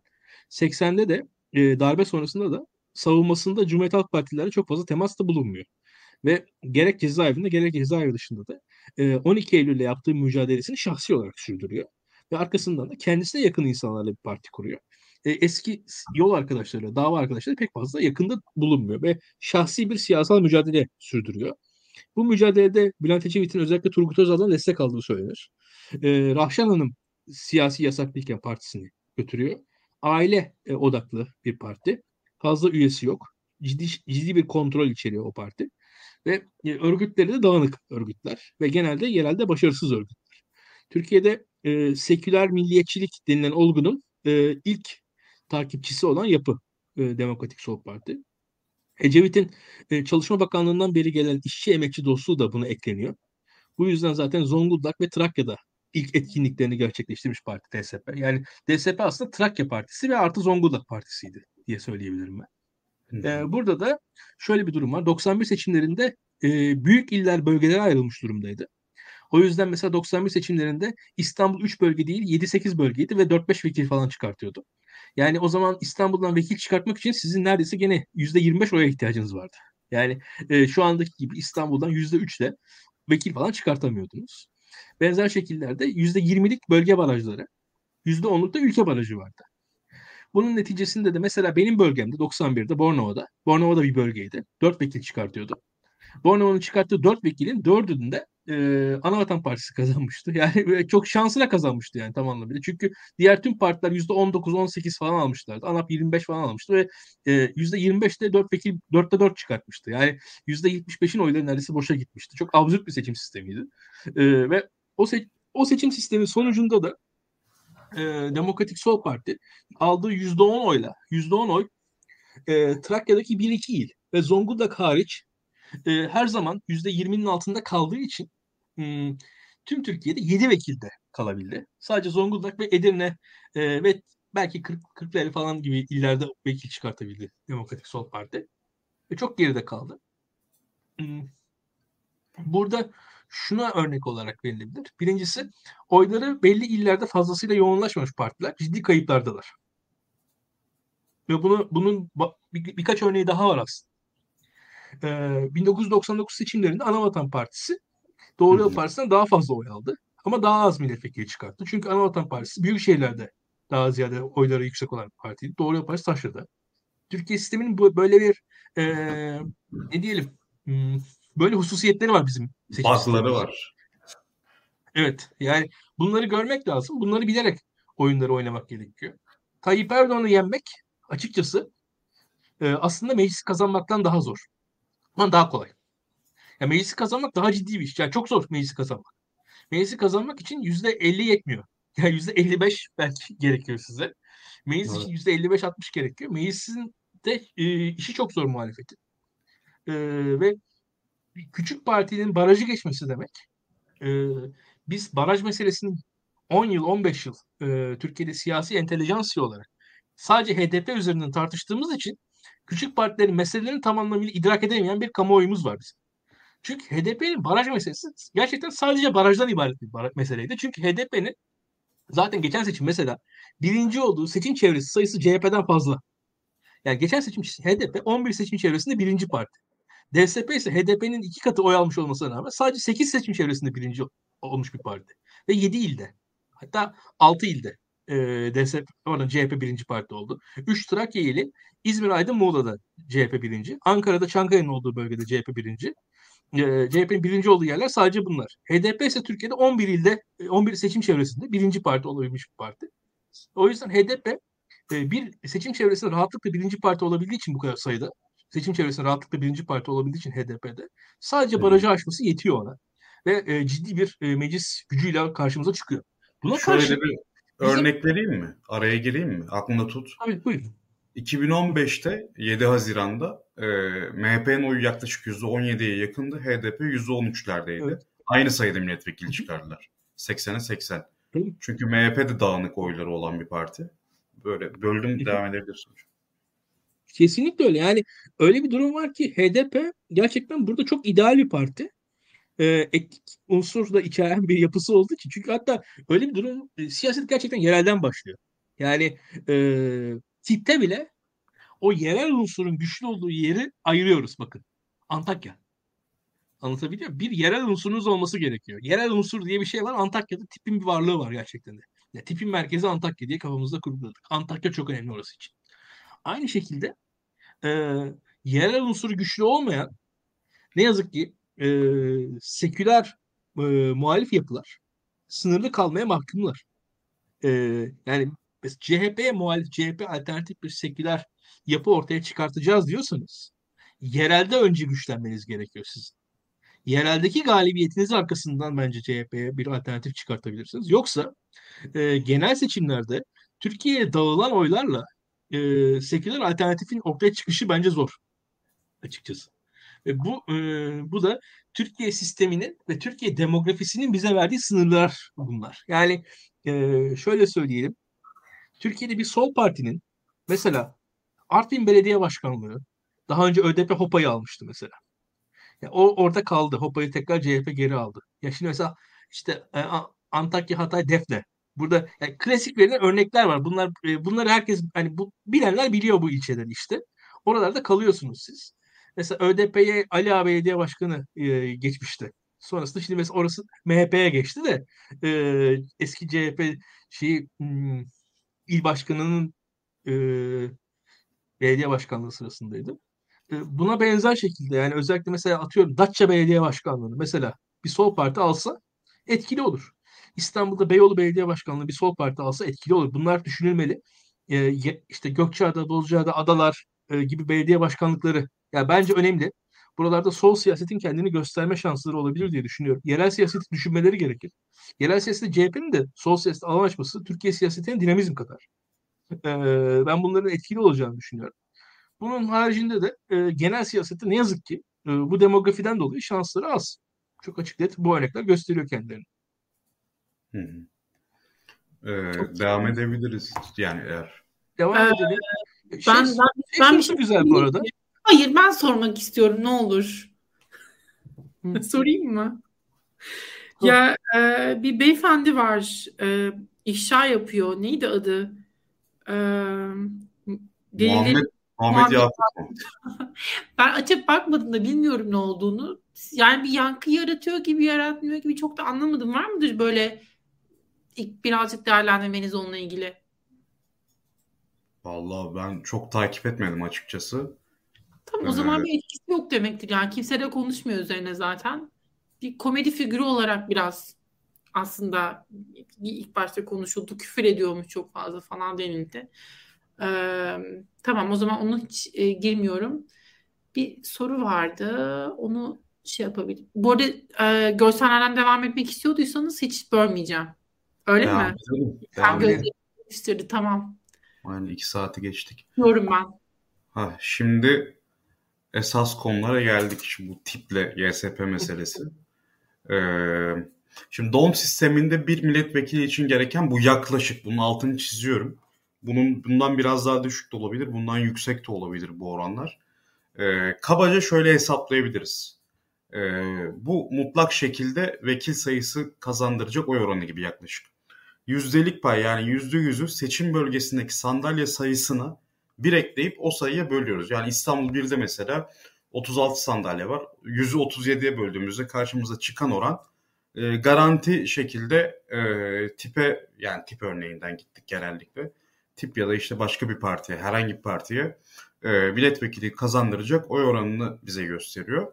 Burada şöyle bir ek yapmak isterim. Team araştırma e, direktörü Ulaş Tol bana not gönderdi. E, şimdi hemen bakıyorum. Özellikle tip için e, İstanbul'un 3 bölgesinde bilhassa hesaplanmış yani team verilerinden hareketle hesaplanmış e, sonuçları paylaşayım. Şimdi birinci bölgede tipin bölgedeki güncel oy oranı %2 olarak tahmin ediliyor anket verisine göre. E, eğer tip yaklaşık 2.5 alırsa e, eğer CHP oy oranı düşmezse CHP'nin bir vekilini alıyor. Yani CHP 2018'deki oy oranını korudu diyelim e, bu seçimde. Tipte 2.5 aldı, 2.4 aldı pardon. E, CHP'nin bir vekili tipe gidiyor. Yani 2.4 ile e, Sera Kadıgil e, milletvekili seçilebiliyor. Ama CHP'nin bir vekili düşüyor. Eğer ki bunun üzerine koyup CHP'den 2 puan, HDP'den de 0.3 alırsa yani 4.8'i bulursa da CHP'nin 2 vekili bu kez tipe gitmiş oluyor. Ama CHP 11 vekile düşmüş oluyor. Yani birinci bölgede tipin e, kazanacağı e, vekil sayısı için gereken eşik 2.4 kazandığı parti ise CHP. Yani e, muhalefetin toplam vekil sayısı değişmiyor. Fakat e, yani burada CHP'nin vekili düşüyor. Eğer ki tipin aldığı oy ikilerde kalırsa da bu bu durumda AK Parti ya da MHP'nin bir vekil e, çıkarma şansı ortaya çıkabiliyor ekstradan. İkinci bölgede ise e, durum biraz daha kritik tip için. Çünkü ikinci bölgede vekil sayısı daha düşük 27. Matematiksel olarak da eşik yükseliyor. İkinci bölgede eğer tip 3.2 alırsa bir vekil çıkarıyor. E, bunu da CHP'den alıyor. Ama diyelim ki %3 aldı e, ve vekil çıkaramıyor. Yani 3.2'nin hemen aşağısında kaldı 3 ile. Ve bu oyları CHP'den alırsa AK Parti e, CHP'den bir sandalye kazanıyor. Yani CHP'nin bir sandalyesi gidiyor. AK Parti'nin e, vekil sayısı artıyor. Hatta e, CHP %2 düşse bile yani tipin oylarının 2 puanı. Diyelim ki tip 3 aldı. O 3.2'lik eşiğin altında kaldı. Ve CHP'den %2'lik oy e, tipe geçti. Bu senaryoda AK Parti'nin vekil sayısı artıyor. CHP'nin düşüyor, AK Parti'nin artıyor. Ee, şöyle bir not düşmüş Ulaş Tol. Demiş ki CHP'nin oyu şu an 29.5 olarak tahmin ediliyor İstanbul ikinci bölgede. 27.8'in altında kalırsa CHP'den AK Parti'ye bir vekil geçiyor. Yani CHP bir düşüyor, AK Parti bir vekil yükseltiyor. Üçüncü bölgede de yine tipin şansı biraz daha yüksek İstanbul birinci bölgede olduğu gibi çünkü vekil sayısı 35'e yükseliyor. Ee, üçüncü bölgede tip iki buçuk alırsa HDP veya İyi Parti'nin vekillerinden bir tanesi tipe geçiyor. Yani Erkan Baş e, bu şekilde HDP veya tipin vekil sayısının düşmesiyle e, bir üçüncü bölgede vekil seçilebiliyor. Eğer 4.9 alırsa da ikinci vekili bu kez CHP'den alıyor tip. E, yani tipin HDP ile ortak liste yapmaması aslında e, muhalefetin oylarının artmamasını hatta e, belirli durumlarda AK Parti'nin vekil sayısının artmasına neden olabilir İstanbul'da. Diğer illerde ise tipin vekil çık çıkarma şansı çok daha zor. Ee, örneğin Ankara'da 13 vekil var. Ankara birinci bölgede. Burada en az %7 oy alması gerekiyor tipin. Ankara 2'de 11, burada 8'e yükseliyor. İzmir'de e, iki bölgede de vekiller eşit 14-14 yine yaklaşık %6,5-7'lik bir oranı, oy oranı elde etmesi gerekiyor. Antalya'da e, Barış Atay ikinci sırada mıydı Antalya'da? Barış Atay'ın seçilmesi için tipin e, yaklaşık %11 gibi bir oy oranı alması gerekiyor. Barış Atay muhtemelen seçilemeyecek. Hatay'da yine %8.3 alması gerekiyor. Muğla'da bu oran %12'lere yükseliyor.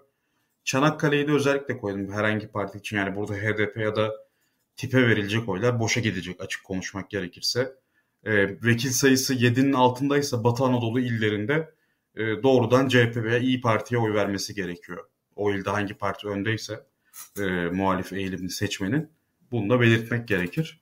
E, tipin şu an vekil çıkarma şansı İstanbul'da şu an e, mevcut verilerle yok. E, yani mevcut verilerle biz yansıttığımızda durumu tip vekil çıkaramıyor ama yine de İstanbul'da vekil çıkarma şansı sürüyor. Ee, %2'lerin üzerine çıkarsa İstanbul ikinci bölgede de %3,5'a yaklaşırsa milletvekili çıkarabiliyor. E, tip hala şans sürüyor ama mevcut durumda bu yok. Bu ortada değil.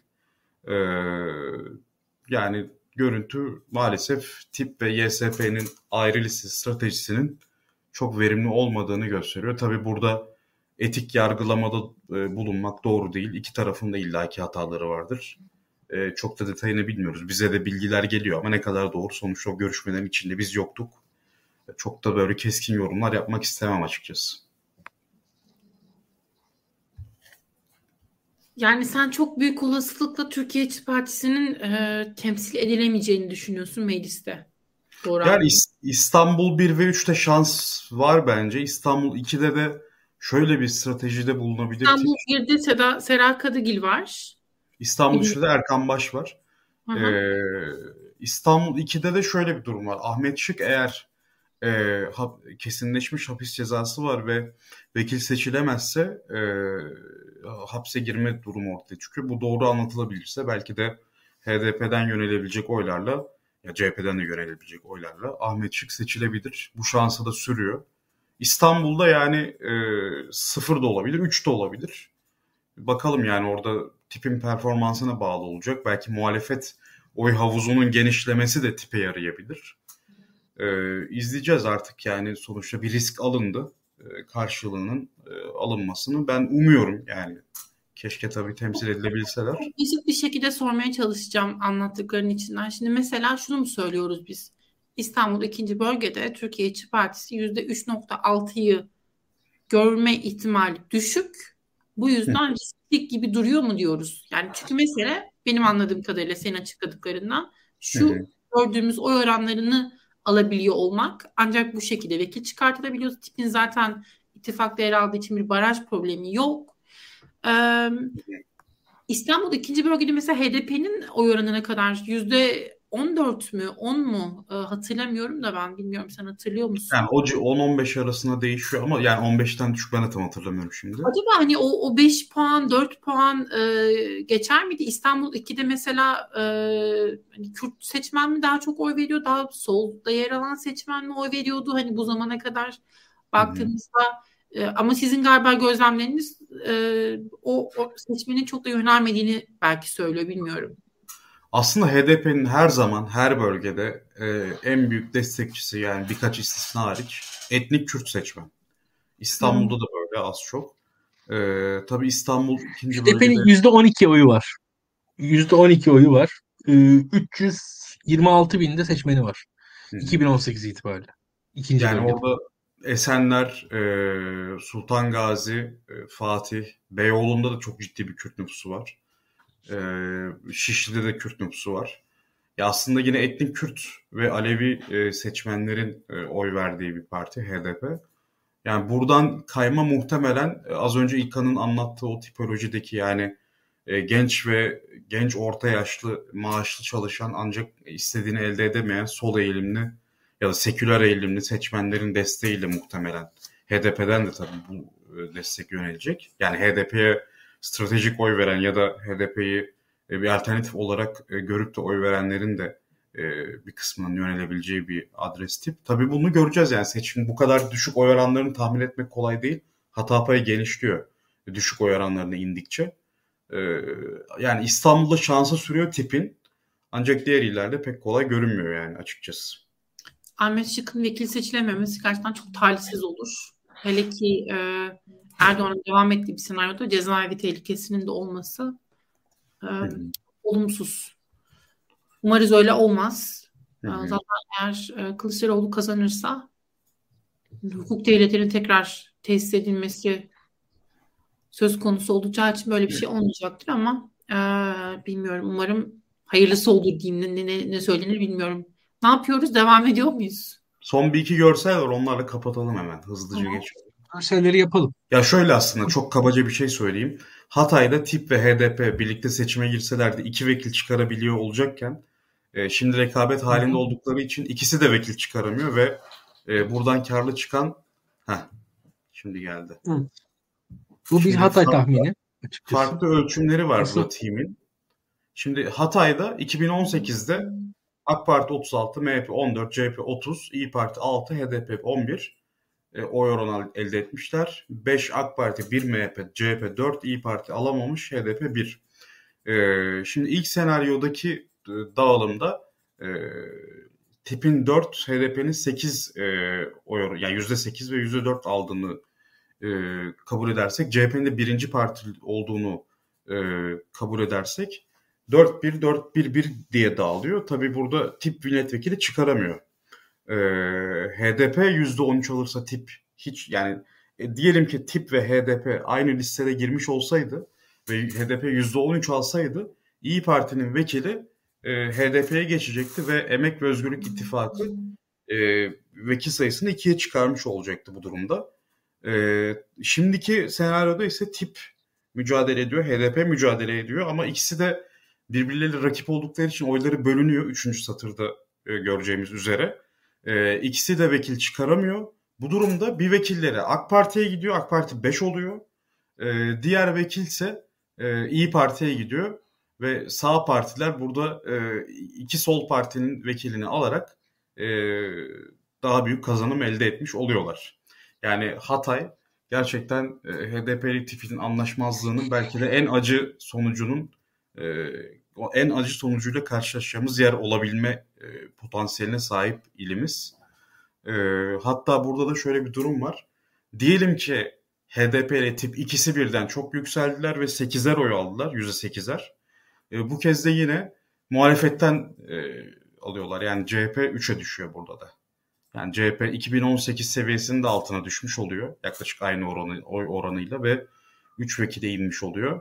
Yani aslında burada en doğrusu muhtemelen HDP ile tipin beraber hareket etmesi ve Emek ve Özgürlük İttifakı'nın iki vekile taşıması olacaktı. Fakat bunu yapamadılar ve e, büyük olasılıkla da birbirlerine çelme takıp Emek ve Özgürlük e, İttifakı'nın hiç vekil çıkaramaması gibi bir e, sonuçla karşılaşacağız. Bu çok üzücü gerçekten. Yani ve siyasetin bu kadar iş bitiremiyor oluşu da aslında ayrı bir üzüntü kaynağı. Ee, eğer böyle olursa ya çok çok dramatik. Ama şuna not düşmek lazım. Orası deprem bölgesi. İnsanların e, oy verme davranışının radikal şekilde değişmesini bilmiyorum. Bekleyebilir miyiz? Ben bekley bekleme ihtimalimiz olabileceğini düşünmüyor değilim. Ama bir yanıyla da zaten şu da var. E, çok fazla insan oy kullanabilecek mi, kullanamayacak mı? Bu da ayrı bir nokta. Hatay özelinde. Kilis'ten devam edeceksin galiba. Yok kilisi konuştuk aslında. Ee, dilerseniz bitirebiliriz yani eğer eklemek istemezseniz şeyler. Var mı İlkan senin e, not düşmek istediğin, önemli bulduğun, e, yeniden bir tartışma oluşturmak var. istersen tabii buyurun lütfen. Var. Ee, şöyle bir şey var. Ee, bir defa işin e, enteresan bize çok güzel bir soru var. Murat Bey sormuş. Cinsiyet bağlamında soruyor. Ee, bence önemli. Adalet ve Kalkınma Partisi'nin özellikle e, belli yaş üzeri kadın seçmenine şu an muhalefet ulaşamıyor. Zaten o yüzden orada Adalet ve Kalkınma Partisi çok kuvvetli. Yani teknik olarak muhalif bir görüşle e, belli yaş üzeri AKP'li kadınlar arasında bir temas yok neticede. E, bu AKP'de bir kadın ağırlığını sürdürüyor ama AKP ve e, Cumhur İttifakı e, maskülen bir söylemle yıllar geçtikçe birazcık daha e, erkeklerden daha fazla oy almaya başladılar. Buna karşı şöyle bir durum var. Ee, gördüğüm kadarıyla genelde anketleri ben de izledim. Ee, anketlerden izlediğim kadarıyla CHP'de de e, bir İstanbul Sözleşmesi 62-84 kadınların daha görünür e, olması vesaire sonucunda CHP'de de bir erkekler daha azınlıkta. O da gözüküyor. MHP'de erkekler çok. Ve şurada izlediğim kadarıyla kararsız seçmenler daha ziyade e, sanki erkekler daha fazlaymış gibi geliyor bana. Burada onu söyleyebilirim ve buradan da gideceğim şey şu. Muhalefet ve iktidar şu an e, seçime doğru erkek seçmenleri, erkek kararsız seçmenleri ikna etmek için ne yapacaklarını düşünecekler diye tahmin ediyorum. Onların e, cazip, onlara cazip gelecek e, belli vaatler veyahut da ifadeler arayacaklardır diye düşünüyorum. Şimdi mesela bizim gördüğümüz o Mansur Yavaş, Ekrem İmamoğlu, Kemal Kılıçdaroğlu'nun bir arada e, ki tavır, tavırları, Mansur Bey'in mitinglerde öne çıkması, Mansur Bey'in son dönemlerdeki söylemlerinin muhalif kamuoyuna daha fazla duyulur hale gelmesinin de muhtemelen muhalefetin daha ziyade bu anlattığım e, erkek e, iktidara oy vermeyen erkekleri yanına çekme çabası olduğunu düşünüyorum. Çünkü öyle ya da böyle muhalefetin mesela genç dindar kadınlara yönelik bir stratejisi var eksik oldu. Adaylık, adaylıklarla dost doğru kendisini desteklemedi bence. Mesela ben CHP'nin e, başörtülü kadın vekil adayları var. E, çok, hepsi çok saygın isimler. Ama e, o süreci bile CHP doğru yönetemedi diye düşünüyorum. Kendi adaylarını. E, onun gibi e, burada ama CHP'nin bir kadının ötesinde özellikle kararsız erkeklere yönelmesi lazım. Muharrem İnce dalgasının da daha ziyade kadınlardan önce erkeklerde e, önde olduğunu düşünüyorum. O yüzden de Muharrem İnce seçmenini e, ikna etme aşamasında da e, güvenlik gibi mesela evlenememek gibi işsizlik gibi, genç işsizliği gibi meselelerin e, bir aşama daha sık e, duyurulması gerektiğini düşünüyorum. Mesela Muharrem Bey e, sözleşmeli erlere kadro meselesinin Türkiye'de en birinci e, sözcüsü. Bakın sözleşmeli erlere kadro. Çok sıkıcı bir mesele değil mi? Şu an bu programın seviyesinin altında gibi duruyor. Ama birebir Muharrem İnce seçmenlerinden bahsediyor. Sözleşmeli erlere kadro. Yani şu an sözleşmeli erlere kadro meselesinde çözüm bence sözleşmeli erlere kadro verilmesi değildir bu arada. Hani ordunun vurucu gücünü sözleşmeli erlere kadro verilmesi ciddi düşürür. Ama o sözleşmeli erlere e, belli avantajlar sağlanarak e, ordudan ayrılmalarının sağlanması başarılırsa e, o vaat edilirse etkili olur diye söylüyorum. Mesela muhalefetin mesela sözleşmeli er meselesine dair çözümünü daha yüksek sesle mesela Mansur Bey'in ağzından, Ekrem Bey'in ağzından söylemesi lazım en azından. Çünkü işte dediğimiz daha seküler duyarlılıkları olabilecek, iktidarı çok sevmeyen, hala milliyetçi muhafazakar duyarlılıkları kaybetmemiş genç erkek seçmenler var. Bunlar Muharrem İnce hareketinin e, tam açıklaması oluyorlar. Yani tam bizim anladığımız herkesin dediği o bilgisayar başında oyun oynayan Z kuşağı değil yani mesela. Sözleşmeler. Genç seçmen dediğiniz böyle bir insan bir yandan da. Ee, bu, bu insanın da e, yakalanması gerekiyor vaatlerle diye ekleyeyim bu arada. Ee, yani soruyu çok açarak cevapladım. Bir şeyleri anlatmak istiyordum açıkçası. Ona vesile oldu bu sayede.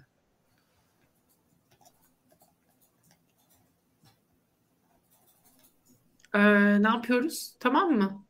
Ben tamam. Tamam. 2 saat 24 dakika. Ciddi e, ciddi bir yayın yaptık. Uzun bir yayın yaptık. E, ağzınıza sağlık. İzleyen herkesin de gözlerine sağlık. E, ellerine sağlık çünkü be- beğen e, butonuna bastılar.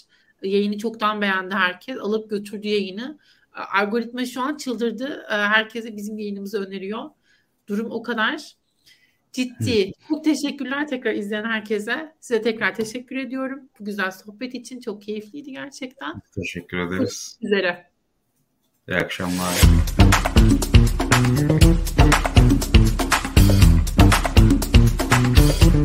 Thank you.